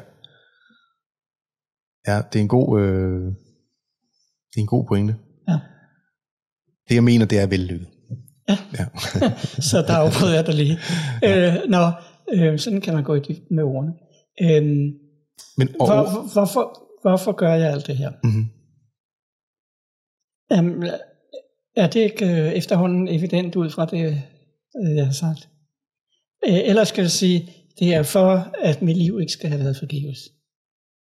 De erfaringer, og til dels bedre erfaringer, men også meget dejlige erfaringer, men de erfaringer, jeg har gjort i mit liv, de skal ikke være forgæves. ja. Altså, vi, vi har det der med et sted mellem 20 og 25 procent af alle mænd får aldrig børn. Og de 85 procent af dem vil gerne have haft børn. Hvorimod det kun er cirka 10 procent af kvinderne, der aldrig får børn. Ikke? ja. Øh, det er for stort et menneskeligt spild. Synes jeg. ja. Altså, der er gået, øh, der er gået det galt med de der 25 procent, 20-25 procent, som også er gået galt i mit liv. Og, og jeg kan man sige, jeg er så tidlig i det forløb, så altså, det er en meget, meget lang erkendelsesproces at finde ud af, hvad, hvad det var, der ikke blev vellykket. ja. Øh, nu vil jeg råbe op, sådan at der er tilstrækkeligt mange, der kan høre det til, at jeg får advaret de næste. Altså, det er, det er nok en af mine vigtigste driv. For, for det hele giver mening. Ellers er det jo bare bittert og ulykkeligt. Ikke? Jo, klart. Det, det kan jeg ikke leve med. der, der skal være en eller anden, øh, hvis man tror på, på en Gud eller noget, ikke? Der skal være en eller anden mening med, at jeg er puttet igennem den her øh, prøvelse, og, og, og det skal jeg så bruge til at øh, øh, fortælle noget til nogle andre. Ikke? Øh, det, det er nok sådan, jeg tænker. Men øh, jo mere det her udvikler sig, jo mere jeg siger, jamen det er jo ikke lige min skæbne, det handler om, eller Sørens, eller øh, Jespers. Det er hele samfundet. Mm. Altså de der kræfter der, de siger direkte, at de vil af med oplysningstiden, og at landeren var bedre. Det siger de direkte. Det er det, de vil. Så øh, det, det, Jamen, det, er jo, bare jo, jo, jo mere man kommer ind i det, jo større bliver det. det er jo bare historieløst. Ja, Ja. og, og det er meget, meget historieløst, det der foregår. Mm. Meget historieløst. Altså, hvis man kan begynde at vælte statuer af Churchill, ikke? Jeg tror ikke, de har gjort det, men de ville gerne. Ja, man pakkede den ind, man beskyttede den. Nå ja, det kan jeg ikke huske, hvordan Ja, det var. det gjorde ja. den, ja. Nå ja, for den ikke skulle blive overmalet eller noget. Ja. Ja, eller ikke blev væltet. Altså som om du var Saddam- Saddam Hussein, eller... ja, ja, ja. Det er jo, Altså- helt, det er jo helt galt. ja. Og hvis, hvis vi er derhen, Ja. altså, jeg håber, jeg håber at øh, Macron, han, øh, jeg ved ikke, jeg er ikke så begejstret for Macron, men altså, Nej, jeg er også overrasket. han, ja. han, han stiger godt nok, men det er også, de har så store problemer med islamisme i Frankrig, meget større end de her. Ikke? Mhm. Øh, og, og han, han har taget sig sammen og talt øh, mere direkte imod det. Ikke? Ja. Øhm, altså nu har vi jo lige i- Danmark haft en afværget terrorangreb, hvor 15 mennesker I var involveret. Ikke? Ja, sidste weekend, eller forrige Ja, weekend. ja. ja. Vi har nok problemer, og vi har ikke... øh, Jeg tror ikke, løsningen findes ved at gøre manden svagere. Nej, Altså, vi har ikke brug for vatnisser, som der var en anden podcast, som, som sagde, det var Klaas Årslev, der sagde, øh, ved, at, øh, ved at tro, at man skal gøre kønnene til noget andet, end de er, øh, så skaber man vatnisser, og det har vi bare ikke brug for. altså... Fordi, i, i, fordi ja. der kommer en anden type mand, som du selv siger, fra Sverige, erfaringer, bitre erfaringer. Og jeg er ikke ude efter nogen. Jeg, som udgangspunkt elsker jeg alle mennesker. Jeg er ligeglad med, hvor folk kommer fra. Men der kommer en anden type mand, fordelt over en normal kurve, med et andet tankesæt, og en anden hensigt, og en anden rå brutalitet. Og hvis ikke der er et boldværk og et værn imod det,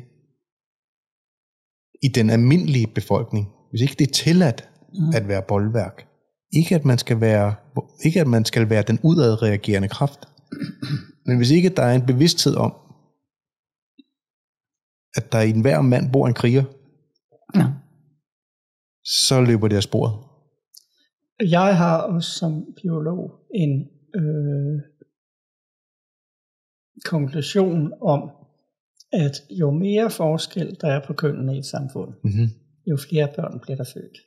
Det tror jeg også er sandt. Og jo mindre forskel der er mellem Ja. kønnene, jo færre børn bliver Ja. født.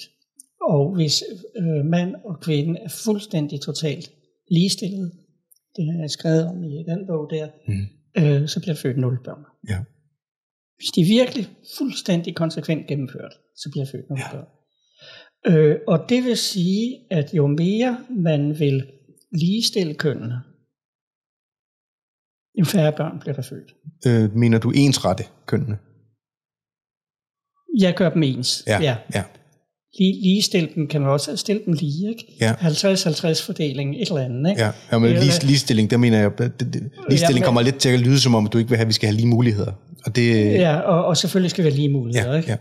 ja. Øhm, men øh, for eksempel har jeg set på øh, øremærket barsel til mænd. Mm-hmm.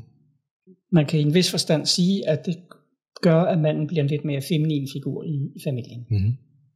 Øh, jeg har en idé om, at det gør, at kvinden har mindre et eller andet respekt for manden. Fordi det, han prøver at gøre med at skifte blæ, det er noget, hun i virkeligheden er bedre til. Nå ja, okay, det var i orden den her gang og sådan noget. Men det er jo ikke noget, der giver hende respekt for ham.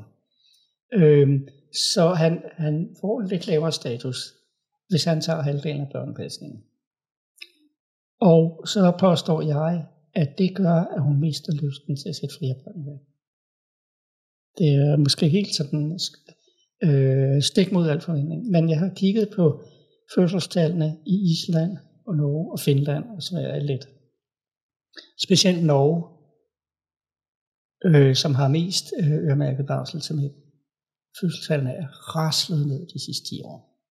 I Finland, hvor det blev indført for 10 år siden, der er der en faldende kurve de sidste 10 år.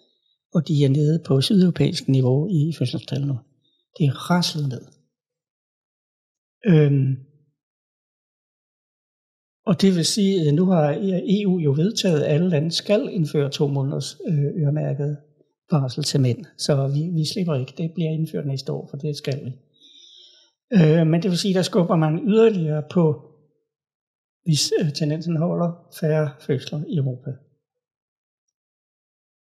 I kraft af, at man øh, gør øh, kønner mere ens, ved at tvinge manden mere hjem på barsel. Og ikke et ondt ord om det. Altså, jeg kender nogen, der har været hjemme på barsel, og det har været rigtig godt, og der, han har fået et godt forhold til barnet osv. Selvfølgelig. Øh, og for parforholdet er stadigvæk godt og så videre. Ikke? ikke et ondt ord om det, men i den store statistik. Og så er der en anden kultur, der gør alt, hvad de kan for at gøre forskellen på kønnene så stor som muligt. Ja. Den vinder. Det er fuldstændig uundgåeligt.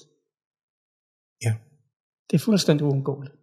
Med mindre vi også igen forøger forskellen. Mm. Så sige, hvad er det mindste onde? At øh, islam overtager Europa, eller at vi slækker lidt på ligestillingen med, hvor mange kvindelige direktører vi har og sådan noget, og hvor meget manden går hjemme og passer børnene.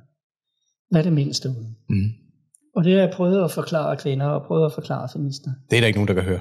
De vil ikke forstå det. Nej, nej, nej. De vil Nej. ikke forstå det. nej. Men altså, så længe de ikke vil forstå det, mm. så er vores kultur dødstemt. Ja. Ikke i morgen, og ikke de første 100 år, men om 200 år, mm. Mm. så eksisterer Vesteuropas kultur ikke mere. Nej, det er jeg enig med dig.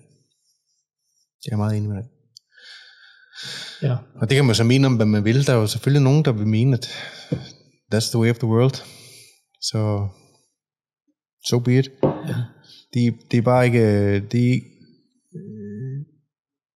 det er ikke det eftertryk, eller hvad man skal sige, øh, som jeg bare har lyst til at dukke nakken og sige, nå, fint med mig. Altså, jeg synes, Og det er ikke fordi, der, det er ikke, jeg har intet, jeg, jeg, jeg, har, in- jeg har ikke noget med islam eller med folk fra Mellemøsten eller noget som helst, men jeg er vokset op i et Vesteuropa eller i et Skandinavien, som jeg har holdt af, og som jeg synes øh, har mere at bidrage til menneskeheden end de fleste andre øh, steder på planeten, i forhold til at skabe harmoni imellem mennesker. Ja. Øh, og så kan det være, at jeg bare var heldig at blive født i den tidslomme, hvor det lige nøjagtigt var muligt, at det skete. det var du. Øh, Måske. Øhm, men man kan da i hvert fald prøve på at stemme imod og sige, skulle vi ikke prøve på at komme tilbage på den kurs? Altså, der har aldrig nogensinde i historien været et samfund, der er bedre for kvinder, end det vi har nu. Og der er intet sted på jordkloden, hvor vi har et bedre samfund for kvinder, end det vi har her. Nej. Og der er intet sted, hvor kvinderne er så utilfredse og vil gøre så meget for at lave det om. okay, og, du, og, og, og det, det er jo et generelt princip, at jo mere man giver efter for kvinders krav, jo mere man retter sig efter dem, jo mere utilfreds bliver de. men det er jo samme, så er det jo samme som i, i et almindeligt parforhold derhjemme. Jo mere... Ja, ja, Øh, vejen til ødelæggelse af ægteskabet, det er, hvis manden giver efter. I hvert fald, jeg er med så langt, altså at give efter i forhold til sin egen retning. Jeg synes, problemet er jo ikke at give, at, at give. Alt, alt, alting er et kompromis jo til, hvad, ja, hvordan og ja. skal vi leve vores liv. Jamen, jeg og min kæreste, vi laver mad hver anden gang. Der skal, der skal ikke være nogen skævhed. Men det øjeblik, at manden mister sit fokus på, mm. hvor han er på vej hen med sin tilværelse, og hvad det er, der er det Ja. vigtige, Ja, så mister hun tiltrækningen til ham, og så går hun ud og knaller hinanden ja. over tid. Eller også så lever hun et halvt liv. Altså vi ser det bare igen og igen og igen og igen. Jeg ved godt, det er en virkelig grov generalisering. Nej, nej, men den er, den er, og jeg har også skrevet om Ja, det her. ja. Altså, jeg har beskrevet Ja. ja. ægteskabets opløsning, Ja, ja. hvad manden gør forkert. Mm-hmm. Nå, okay. Øh, Det lader, til, at, det lader til, at jeg skal købe det 91. eksemplar af den ene, og så, øh, så nummer hvad af de, af de andre, selvom jeg dog mest er til øh, lydbøger. Det må du selv om. Ja. Det har simpelthen været... Jamen, ja, ja. ja. vi, jeg skal hjem også. Så, Ja. Øh, Ja. Vi kan blive ved med at snakke os to kroner. ja. Det har bare været så opløftende øh, og øh, dejligt, du kom forbi ja. og bidraget med det her. Jeg tror, øh, jeg, jeg kan næsten ikke forestille mig, at jeg ikke at, at, at jeg ikke kommer til at ringe til dig eller skrive til dig, om du ikke har lyst til at komme tilbage, fordi jeg er helt sikker på, at over det næste års tid eller halvandet års tid vil der komme øh, andre gæster i podcasten, som enten vil udfordre eller vil støtte op eller bakke op om det, du har sagt øh, her Altså, øh, jeg har jo efterhånden samlet mig en ret stor faglig viden. Ja, det er jo det. Øh, og hvis du har brug for noget viden om det og det, Ja, så kender du mine kontaktoplysninger. det er jeg bare så rigtig glad for. Ja, Tusind tak, fordi du kom her i dag. ja, ja. Og tak for, at jeg måtte komme, fordi det er jo formålet med det, jeg gør. Ja. Det er at få tingene ud. Ja. Så selvfølgelig. Du er altid velkommen. Ja, og jeg sender lige et par Ja, det. paragrafer til dig. Ja.